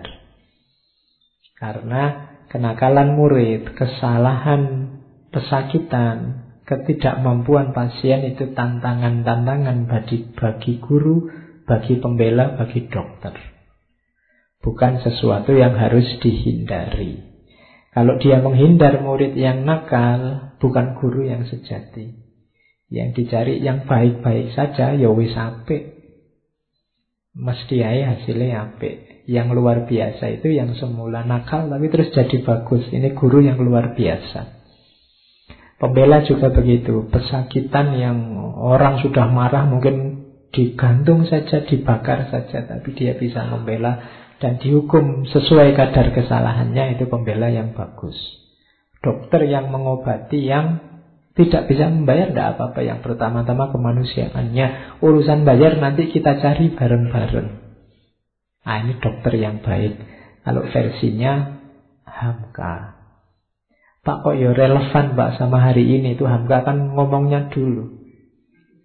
Hamka itu lahir 1908 meninggalnya 1981. Kok masih cocok Pak? Ya berarti memang jangan-jangan situasinya tidak berubah sejak dulu. Oke, pengarang. Hari ini kan banyak pengarang ya. Kalian kan beberapa kan juga nulis-nulis buku. Perhatikan pengarang itu karakter-karakter ini. Yang pertama harus luas pengetahuannya tentang bahasa bangsanya. Kalau kalian berarti bahasa Indonesianya harus bagus. Makanya Hamka itu kan tulisannya enak Karena pinter dalam bahasa Indonesia Hari ini kan kalian banyak dituntut pinter bahasa asing Padahal bahasa Indonesianya belum pinter juga Akhirnya bahasa asingnya nggak terlalu bagus Bahasa Indonesianya apalagi Padahal katanya Hamka loh Bahasa bangsamu itu nomor satu kan lebih dulu kamu harus pinter nulis bahasa Indonesia. Kalau bahasa Inggris ya kejarlah itu kalau mampu, kalau tidak bisa ada Google Translate nggak usah khawatir. Tapi kalau bahasa Indonesia ini kamu wajib. Kalau kamu bilang Pak mohon maaf saya bahasa Inggris tidak terlalu bisa, orang maklum kamu memang orang Indonesia. Tapi kalau bahasa Indonesia, saya bahasa Indonesia-nya tidak bisa Pak. Ah, itu orang susah maklumnya. Lah kamu orang Indonesia. Harusnya lebih pintar bahasa Indonesia dibandingkan bahasa asing. Secara logis begitu. Ya belajar. Harus luas pengetahuannya tentang bahasa bangsanya. Yang kedua, pengarang itu, ini istilahnya Hamka ya, kaya simpanan otaknya. Isi kepalamu harus kaya. Pengarang kok isinya sedikit, tidak pernah baca, oh itu alamat. Begitu kamu ngadep laptop, bingung dibikin nulis apa terusan. Nah, nah itu berarti simpenanmu kurang banyak. Kadang-kadang mulai saja kan kamu bingung ini dimulai gimana ya Pak? Kamu kadang-kadang saya materinya ada Pak, cuma mulainya itu gimana? Bahasa basinya gimana? Lu yang nyuruh kamu bahasa basi itu siapa? Ya tulis saja yang ada di kepalamu tadi. Nanti tipis Pak. Lu yang targetnya kan apa yang ada di kepalamu diomongkan, bukan tebal tipisnya. Ya nanti kalau kurang tebal ya gampang, spasinya direnggangkan. Bukan tebal-tebal sendiri fontnya dibikin 30 apa berapa ya. Nanti kan tebal. Sering mahasiswa kan begitu kalau disuruh bikin makalah susah pak bikin tebal. Jadi poinnya kan yang penting kena, bukan tebal tipisnya. Nah, itu nanti tergantung pada simpanan otakmu kaya apa tidak.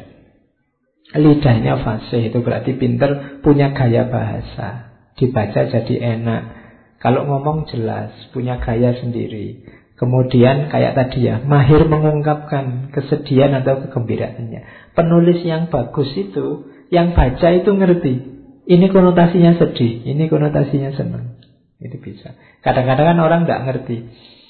Ini harus dibaca sambil semangat. Meskipun tidak ada perintah dalam tanda kurung baca dengan semangat. Nanti orang bisa langsung orang bisa langsung paham ini. Kamu jadi bersemangat begitu membaca. Itu pengarang yang bagus. Kayak kamu baca Laila Majnun itu kan kadang membaca pertama kan kamu nangis. Wah iya ya ini rasanya terharu sekali. Itu pinternya yang nulis, pinternya yang ngarang. Nah, kamu juga harus bisa kalau memang mendeklarasikan diri jadi pengarang, bisa mengaduk emosi pembacanya. Jangan kok kamu nulis pinginnya sedih, yang baca malah ketawa-ketawa. Ya. Nanti wale itu namanya. Atau jangan-jangan kamu enggak Pak, saya memang spesialis nulis yang kebalik. Kalau saya kalau saya pingin ngomong yang ketawa-ketawa, yang baca mesti nangis. Kalau saya pingin ngomong, ya enggak apa-apa. Gaya saya memang begitu, Pak. Mungkin gitu. Oke, terus teguh pendirian. Nah, ini penting karena jangan jadi pengarang pesanan. Dibayar orang untuk nulis hal tertentu untuk kepentingan ideologi tertentu itu namanya pesanan. Tapi kalau kepentinganmu sendiri, ideologimu sendiri ya monggo atau yang cocok dengan keyakinanmu ya monggo. Yang jelas teguh pendirian. Sebenarnya niat mulianya pengarang itu meningkatkan kualitas kecerdasan bangsa. Jadi penulis itu gurunya masyarakat, maka jangan nulis yang tidak ada manfaatnya, tidak ada pentingnya. Nulis ya yang bermanfaat. Sekiranya masyarakat naik digit kecerdasannya, jangan nulis yang merusak masyarakat. Nah itu kemuliaan pengarang. Oke, sekarang kita mulai bagian renungan budinya. Di bagian belakang buku lembaga budi itu ada 99 renungan tentang akhlak, tentang budi. Cuma saya tidak mungkin bawa 99 ke sini. Saya ambil dengan rumus sakarepku dewe. Ya, ini kan cuma untuk menarik kalian tadi. Kalau ingin tahu 99 apa saja, yuk baca sendiri. Saya bawa ke sini yang menurut saya mood aja untuk saya sampaikan di sini. Yang pertama, ini bukan yang paling awal sebenarnya. Kerap kali orang tua menyesali pemuda dan menuduhnya bekerja terburu-buru dan kurang pikir. Kerap kali orang muda menuduh orang tua lamban. Lamban bertindak dan terlalu banyak berpikir. Katanya Hamka, alangkah sibuknya dunia kalau pimpinan hanya di tangan yang muda-muda. Dan dunia akan membosankan karena lamban geraknya kalau pemimpinnya hanya yang tua-tua. Gabungan di antara gelora semangat yang muda dan renung pikiran yang tua itulah yang menimbulkan keseimbangan dalam hidup. Hmm. Ini jangan disambungkan sama pilpres ya.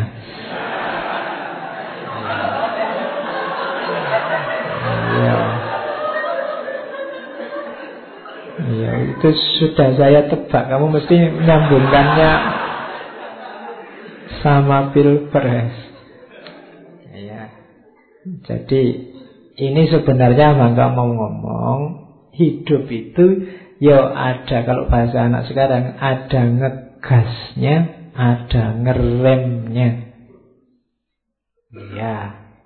Kamu harus sadar kapan ngegas, kapan ngerem. Ngegas itu simbolnya yang muda-muda, ngerem itu simbolnya yang tua-tua. Kalau kamu ngegas terus, gawat hidupmu. Nanti ada apa-apa kamu tidak ngatasi terus tabrakan. Atau yang penting-penting kelewatan. Kalau kamu ngerem terus, lah kapan maju nih? Kan gitu. Hidup ini ya perlu maju, tapi ya ndak gas terus-terusan. Kalau-kalau ya ngerem. Ngerem itu gunanya apa? Merenung, introspeksi. Apa ya sudah benar yang tak jalanin ini. Oh, masih benar, jalan lagi. Sampai beberapa waktu dicek lagi, direm lagi, dievaluasi lagi. Jangan evaluasi terus, nanti tidak maju-maju. Nanti kamu punya organisasi, kita rapat ya tiap siang. Ya, gawenane rapat, terus kerjanya kapan?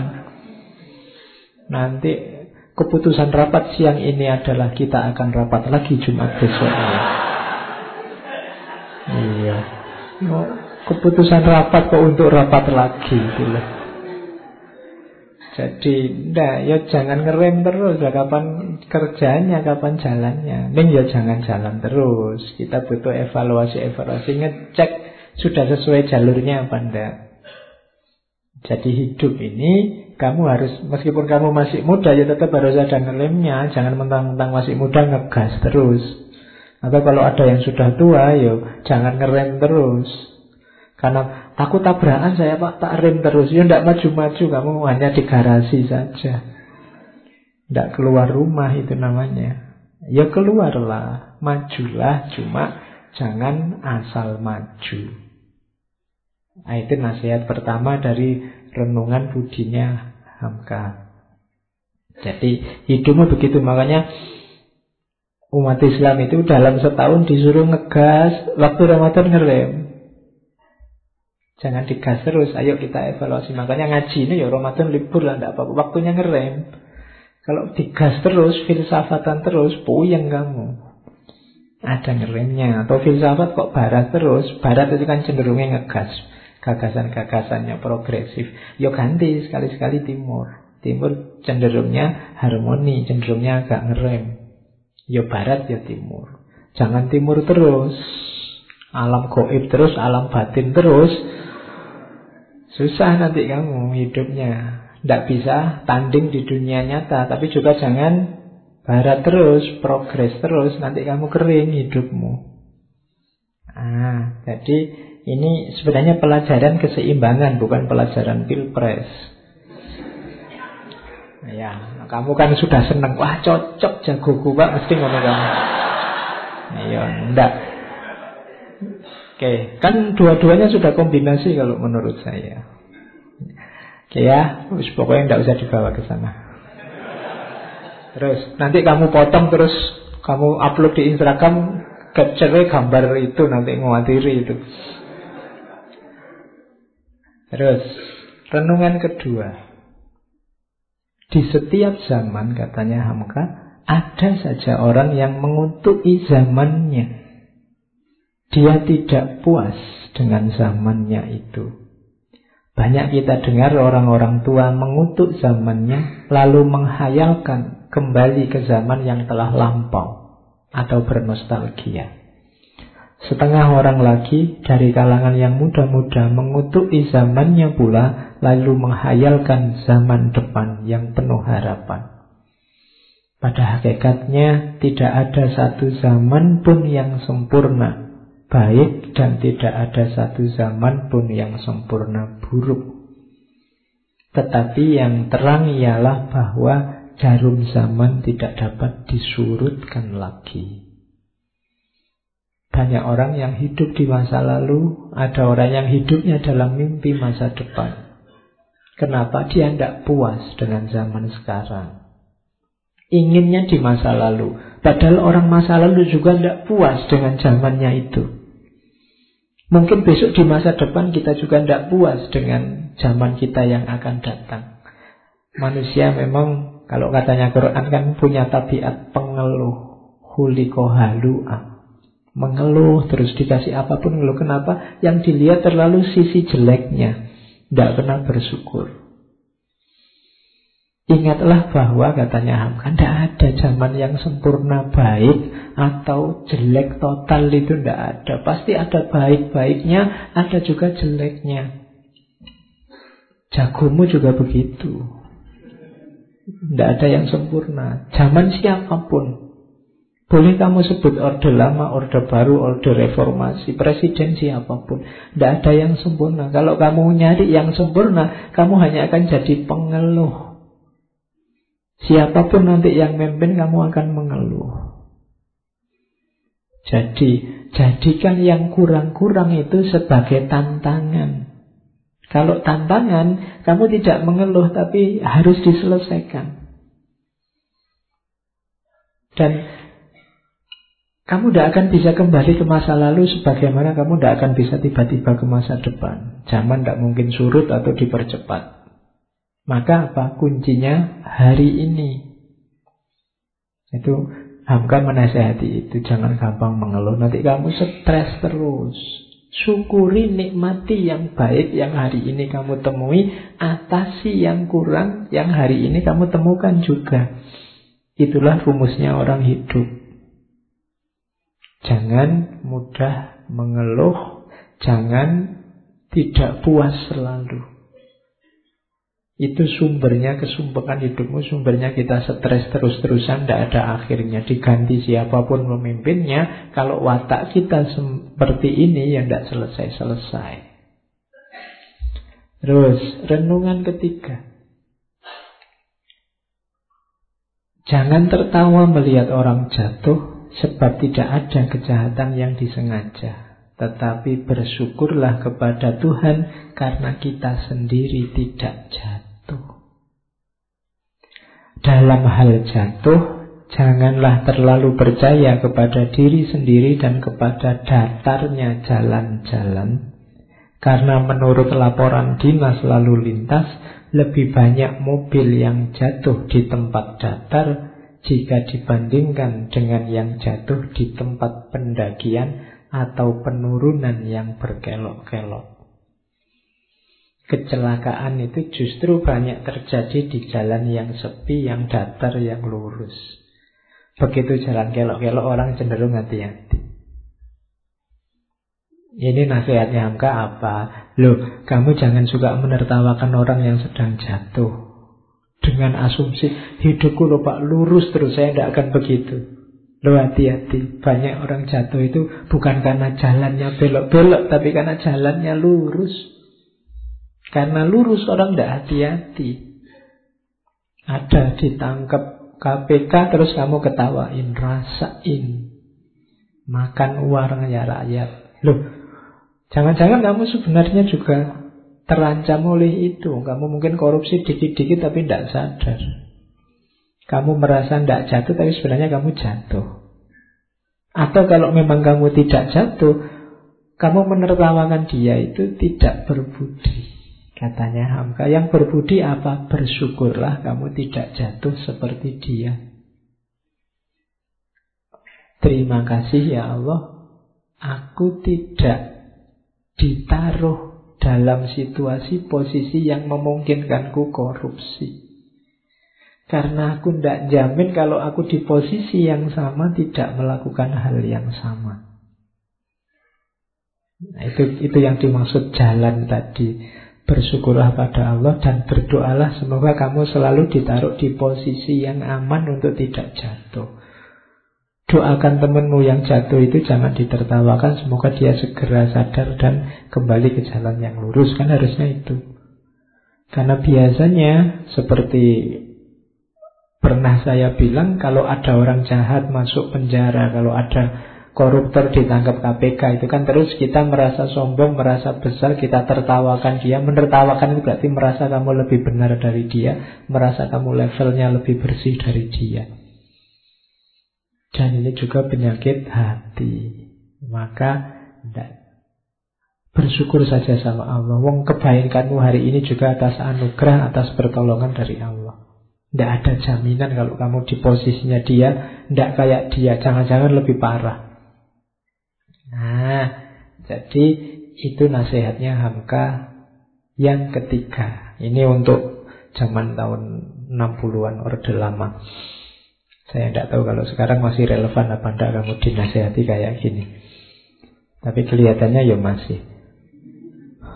Jadi jangan karena penyakit paling susah diobati itu sombong dan paling susah dideteksi. Uang merasa tidak sombong itu kan juga sebentuk kesombongan. Loh iya kan Kayak saya ini pak. Tidak pernah sombong saya itu. Ya, Sama aja itu. Sombong. Oke Terus. Renungan yang keempat. Ini penting untuk para guru Para ceram, para ulama penceramah. Banyak guru agama yang gagal Dan mengeluh karena kegagalannya pelajaran agama yang diberikannya tidak segera diterima oleh orang banyak. Salah satu sebabnya ialah dia mendahulukan nazir daripada basir. Mendahulukan ancaman daripada bujuan, rayuan. Dia mendahulukan usron daripada yusron. Mendahulukan yang sukar daripada yang mudah. Dia mengusir, bukan mengumpulkan. Kadang-kadang dia hendak membuat agama menurut kehendaknya, bukan menurut kehendak Tuhan. Dan setelah gagal, disalahkannya orang lain. Hmm, ini Hamka menyindir kita yang bergerak di dunia agama, yang suka menasehati, mungkin yang suka-suka juga ceramah, yang kemudian mengkritik masyarakatnya, ini masyarakat gimana dikasih tahu kebaikan, dikasih tahu kebenaran kok nggak dijalankan. Sudah dimarah-marahi biar lurus kok nggak lurus-lurus. Sudah diceramai tiap hari kok nggak manut-manut. Katanya Hamka, jangan-jangan metode kita yang salah. Jangan-jangan kita lebih suka mengancam daripada merayu. Dan banyak kan sekarang yang isinya teriak-teriak marah-marah. Hati-hati nanti kamu disate di neraka. Itu kan ngancam. Nah, iya. Kalau kamu kayak gitu, kamu sudah murtad. Begitu kamu murtad, halal darahmu. Itu ngancam. Orang jadi ngeri. Saya ada pengalaman di kampung saya sendiri ada masyarakat yang aslinya rajin ke masjid terus jadi males ke masjid. Kenapa? Allah mesti dimarahi, mesti disindir-sindir. Ya kan? Salah bacaan dimarahi. Salah apa dikit disindir. Orang jadi males ke masjid. Ah, ke masjid buat apa? Nanti di sana juga dimarahi. Eh, jadi enggak. Kita mungkin salah metode. Mengutamakan ancaman daripada Basir. Basir itu kabar gembira. Tenang aja. Allah maha pengampun. Salah dikit-dikit ayo diperbaiki. Nanti yang lama insya Allah diampuni oleh Allah. Itu kan Allah senang. Tidak apa-apa yang kemarin itu kan karena kita tidak tahu. Bagi yang tidak tahu, Allah mengampuni. Sekarang kita perbaiki. Tidak harus galau, tidak apa-apa. Malah kalau sudah dosa, tobat. Dari nol lagi kayak di pom bensin Aman kita Yang lama-lama sudah hilang. Lu kan itu orang jadi gembira.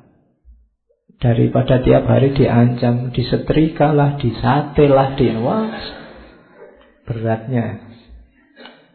Atau Jangan-jangan kita mendahulukan yang susah-susah. Oh, Begitu didahulukan yang susah Orang juga males Barang siapa ngajinya ndak fasih, fatihahmu ndak sah. Kalau fatihahmu ndak sah, sholatmu batal. Walat bol, oh sih wes. Kalau membaca huruf dot itu wah susah wong desa. Iya kan? Ngalaihim itu gimana? Alaihim di dalam sini namanya. Susah wes, ilate wong Jawa disuruh gitu.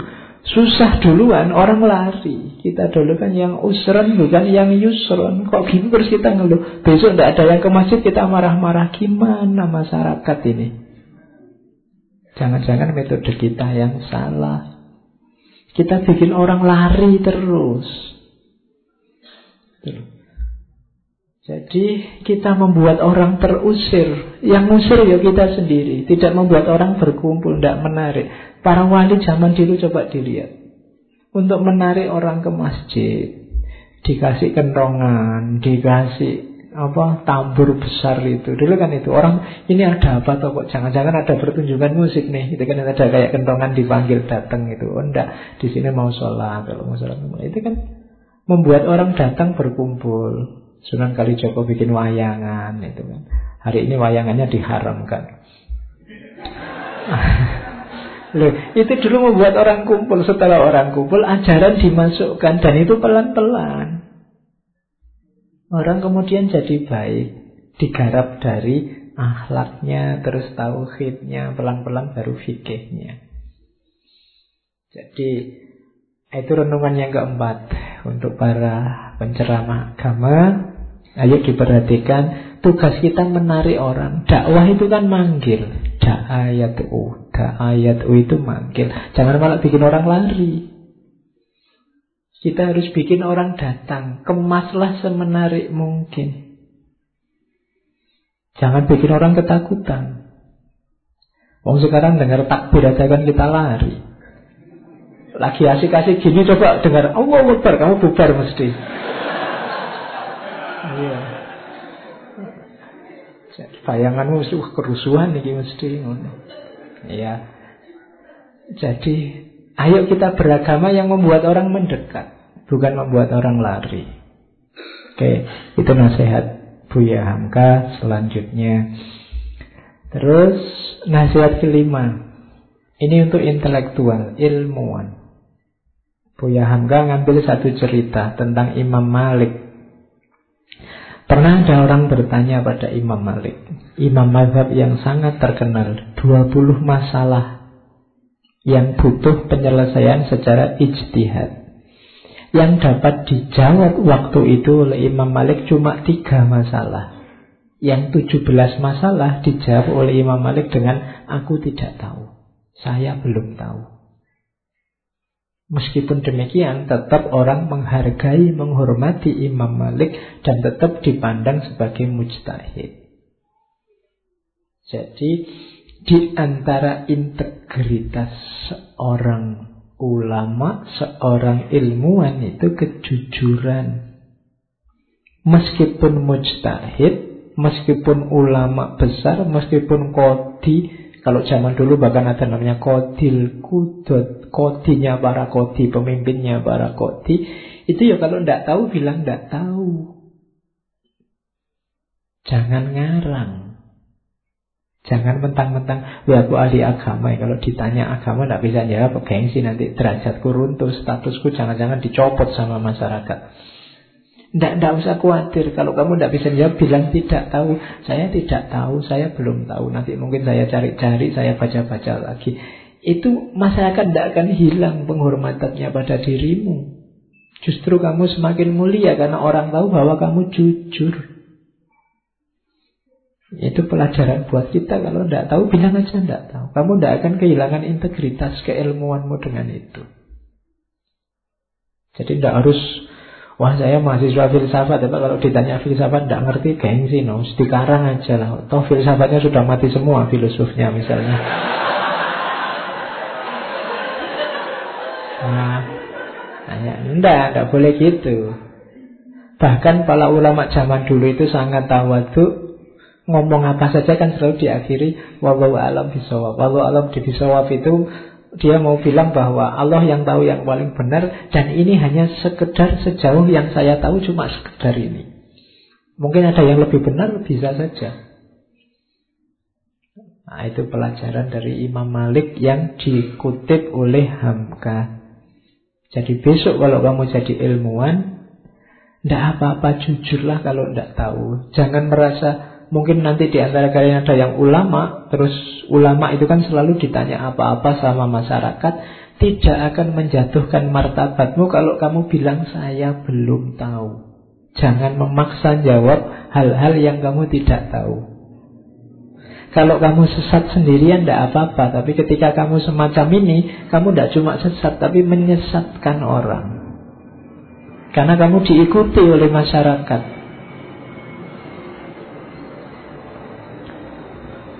Oke, jadi itu renungan kelima. Renungan keenam. Ini tentang hasut tadi hasad dan dengki kepada orang lain sebenarnya tidak menyakiti orang lain itu tetapi meracuni diri sendiri. Orang yang mengatakan bahwa orang yang didengkinya itu telah jatuh adalah alamat bahwa ia sendiri telah mengakui bahwa orang itu tinggi sebab tidak ada orang di bawah yang jatuh.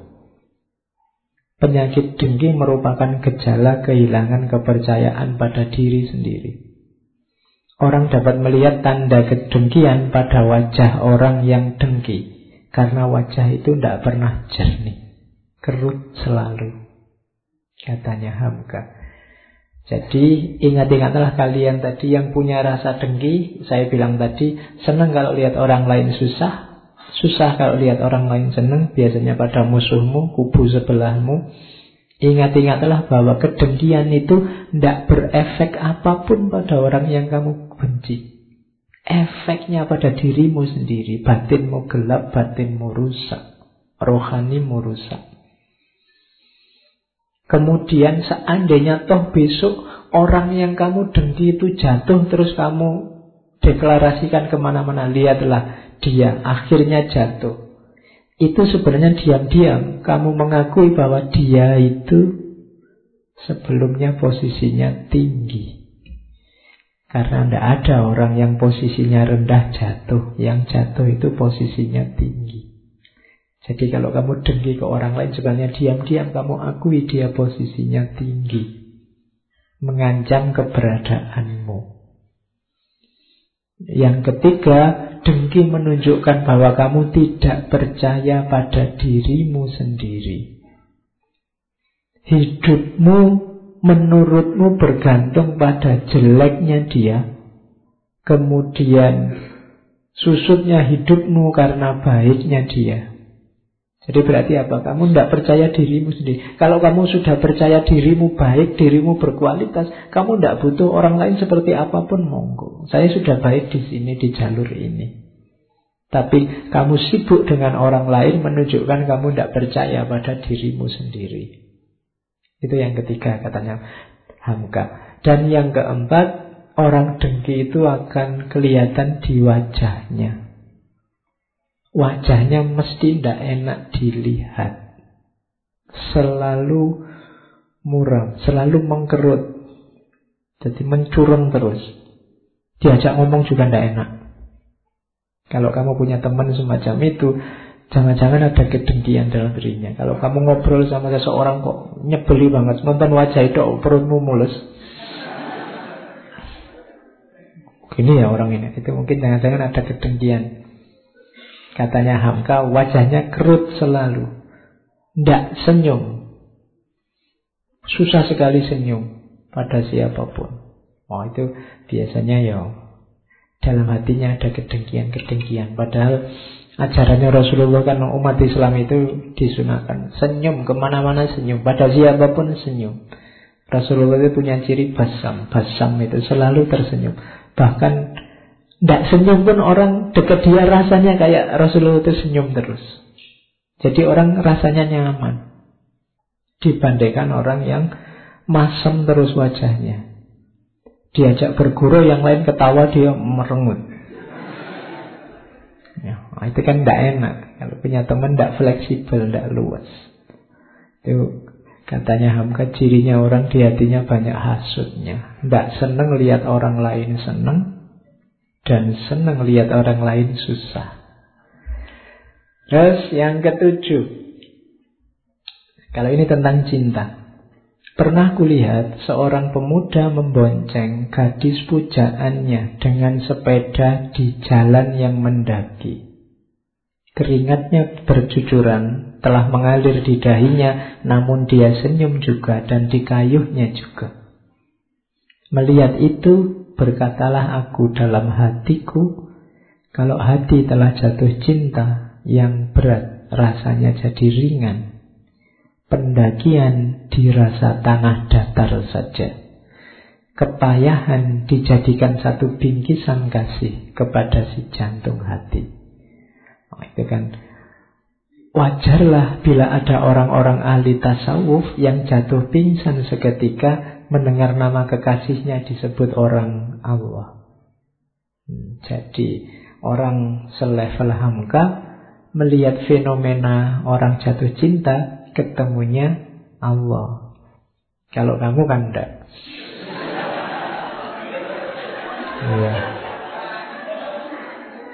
Ya, kalau kamu ada mungkin kamu sibuk wah dipoto dari jauh terus diupload.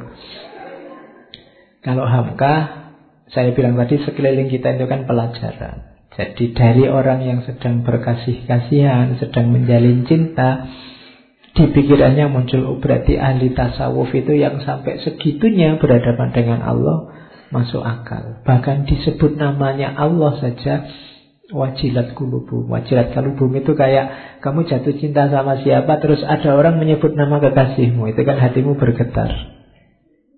Ya kayak kamu naksir siapa terus ada orang nyebut-nyebut nama kekasihmu kan kamu bergetar. Jangan-jangan ada yang lain nih gitu.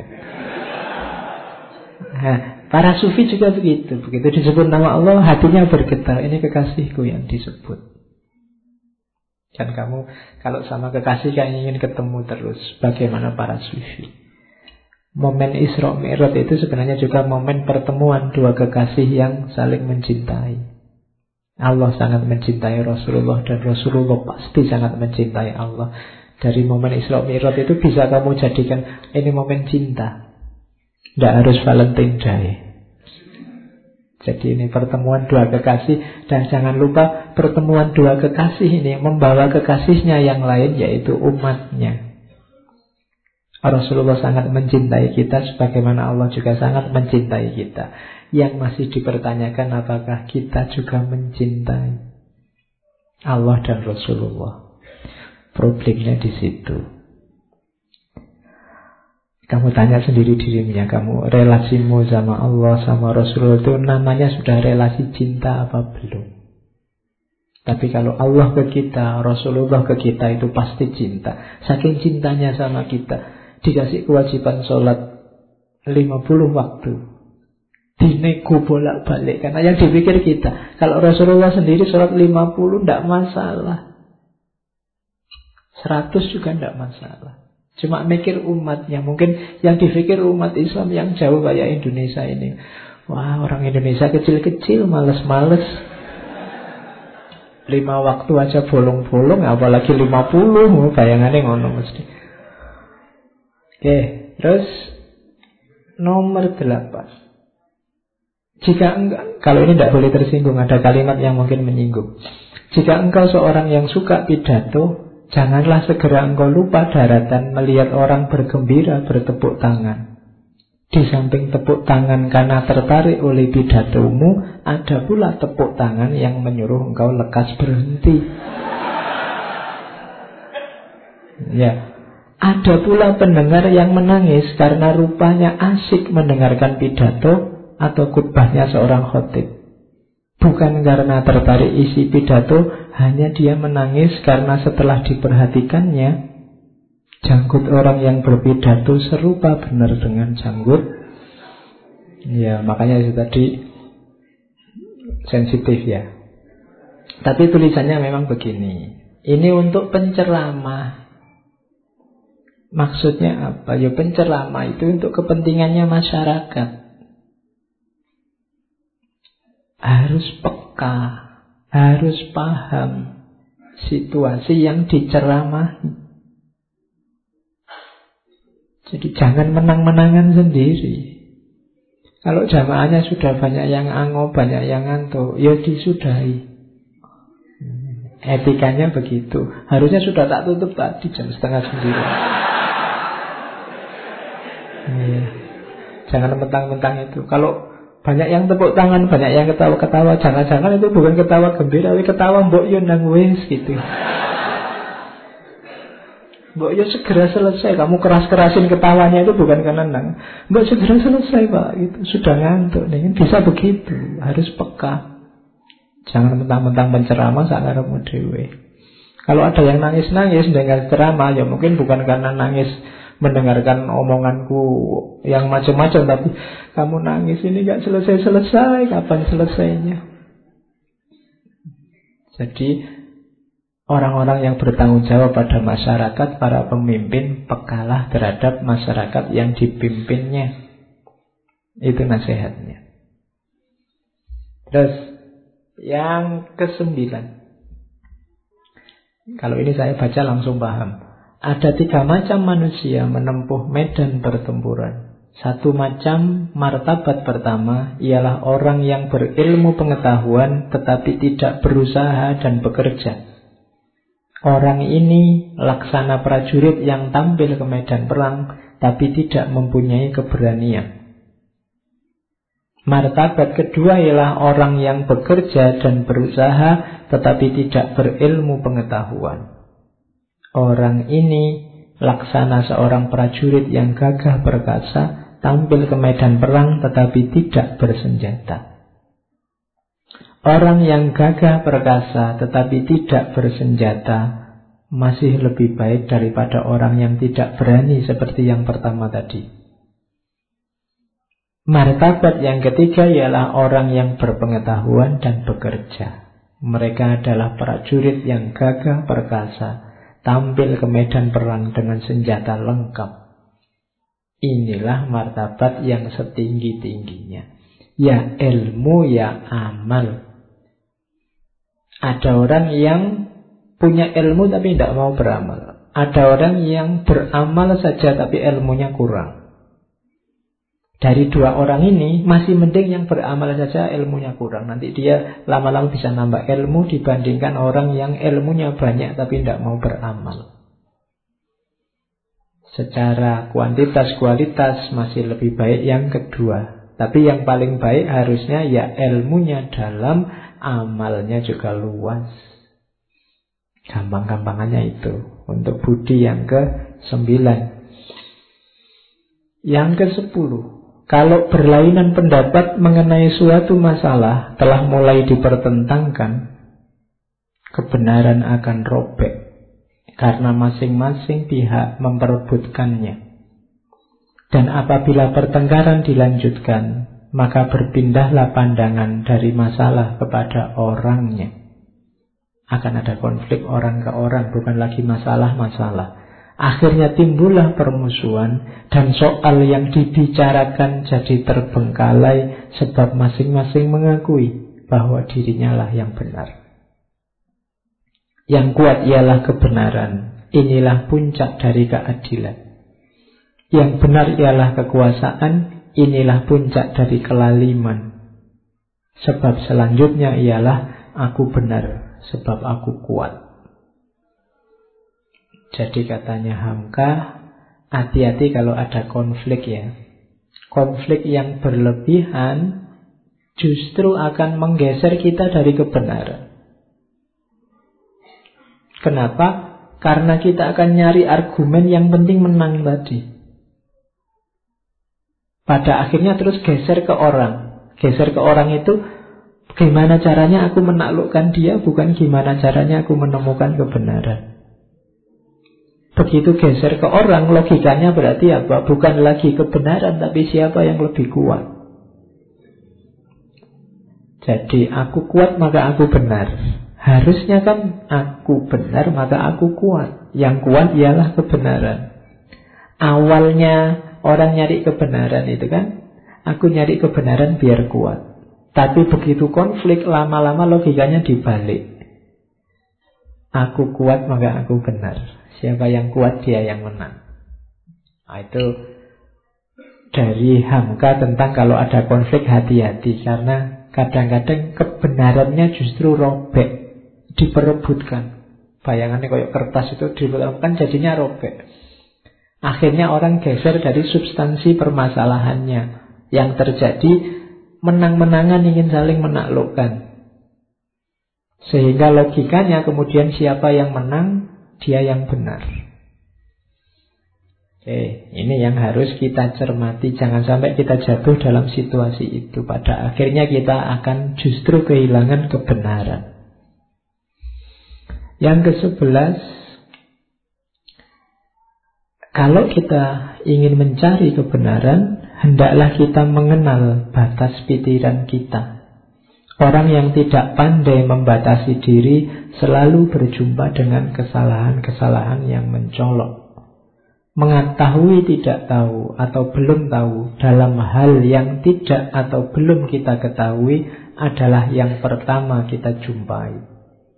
Kebenaran kita mengakui kebenaran pertama itu adalah pintu gerbang untuk mendapat kebenaran selanjutnya. Jadi, kalau kita mencari kebenaran, sadari keterbatasanmu dulu. Sadari hal-hal yang kamu tidak mampu dulu. Kuncinya di situ. Sebelum kamu tahu kan diawali dari tidak tahu. Berarti apa? Kamu itu terbatas karena kamu tidak tahu. Itu kebenaran pertama. Setelah itu baru kamu belajar sehingga kamu tahu. Kalau kamu ingin bebas, syaratnya apa? Ketahuilah di mana kamu terbatas.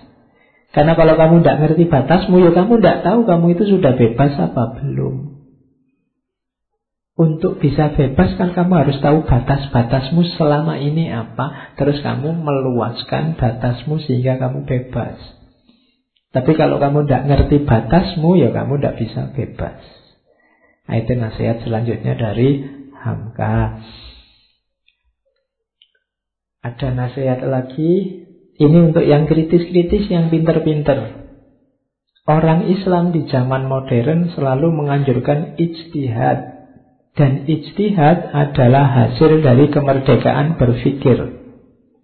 Tetapi kerap kali kejadian orang yang telah mengeluarkan pendapat dan kebebasan pikirannya amat fanatik mempertahankan pendapat itu dan memaksa supaya pikiran orang lain sejalan dengan pikirannya. Kadang-kadang kalau orang mengeluarkan pendapat yang berlainan dengan pendapatnya, orang itu dianggap lawan atau musuhnya. Ijtihad kritis iya, Cuma kadang-kadang kita yang pinter-pinter, mereka yang pinter-pinter, yang berijtihad karena memang makomnya sudah tinggi, yang kritis karena memang level pengetahuannya tinggi, sering-sering justru terjebak, kemudian jadi fanatik pada pendapatnya sendiri. Padahal ijtihad itu kan pendapatnya sendiri semula. Pendapatku sifatnya subjektif miliknya si mujtahid. Tapi kemudian dia merasa orang harus ikut pendapatku. Terus jadi fanatik. Kalau ada orang tidak cocok dengan pendapatnya, dianggap sesat. Dianggap dia musuh.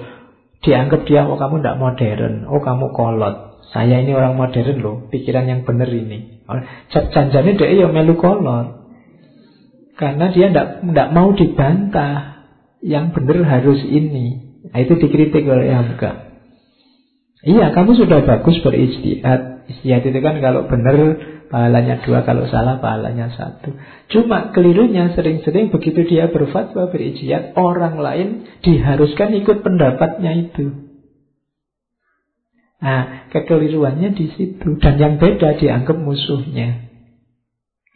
Harus diluruskan lagi. Karena karena dia berijiat sesuai ilmunya mungkin ya orang lain mujtahid yang lain berijiat di level ilmunya juga tidak masalah, tidak harus dipaksa sama. Wong itu sama-sama derajatnya ijtihad. Oke, terakhir kalau ini kalimat paling akhir dari buku Lembaga Budi. Dalam menempuh perjalanan hidup, Janganlah mencoba, mencoba saja jangan menjaga jarak dari Tuhan. Menjauh dari Tuhan. Sebab kendali yang sebenarnya terpegang di tangannya. Karena pasti Allah yang ngatur segalanya. Betapapun kita memegang kemudi bahtera menuju pelabuhan yang dicita-citakan, namun yang menentukan arah angin ialah Dia memegang kemudi itu kita punya alat namanya pikiran, kita punya fasilitas-fasilitas di dunia ini itu kayak memegang kemudi tapi jangan lupa yang menguasai arah angin adalah Allah. Sebelum sampai ke tempat perhentian, jangan lekas puas dan gembira jika nasib selamat, tetapi bersyukurlah. Kayak kita ini kan belum sampai final, jangan puas dulu, jangan gembira dulu. Perjalanan masih panjang, tapi kita syukuri saja tahap demi tahap kehidupan kita. Alhamdulillah kita masih diberi kesempatan untuk sadar, diberi kesempatan untuk nambah ilmu, bersyukur terus. Dan jika angin ribut mengguncang bahtera sehingga seakan-akan tiang akan patah, janganlah terguncang jiwamu Sebab sesudah angin ribut itu, alam akan terang kembali. Sebab itu hendaklah sabar. Ada kesulitan, ada masalah, sabarlah. Masalah pasti akan berlalu. Kalau tidak, tunggu saja pada saatnya pasti berlalu. Kalau tidak, Pak, percaya saja pada Allah. Terus imbangkan pelajaran hidup antara syukur dan sabar. Jadi hidup kita ini rangkaian dari syukur sabar. Formulanya bisa kadang-kadang syukur syukur syukur sabar atau kadang-kadang sabar sabar terus syukur syukur syukur. Pokoknya antara rangkaian syukur dan sabar. Ada yang tidak enak, sabar. Ada yang enak, bersyukur. Tidak enak, sabar, enak, bersyukur. Jadi dari syukur ke sabar, dari sabar ke syukur begitu terus dan tidak usah galau dengan perhitungan terakhir, perhitungan laba dan rugi bukan di tengah pelayaran, tetapi di tempat perhentian terakhir. Kalau kita istiqomah dengan syukur dan sabar kita, insya Allah husnul khotimah. Allahumma khtim lana bi husnil khotimah. Oke, Alhamdulillah. Hamka selesai dengan lembaga budinya. Masih banyak nanti karya-karya Hamka akan kita bahas entah di sesi kapan karena beliau produktif banyak menulis kitab. Minggu depan kita lanjutkan dengan kitab akhlak yang lain. Untuk malam ini kita akhiri sekian, kurang lebihnya mohon maaf. Wallahul muwafiq, wallahu a'lam bissawab. Wassalamualaikum warahmatullahi wabarakatuh.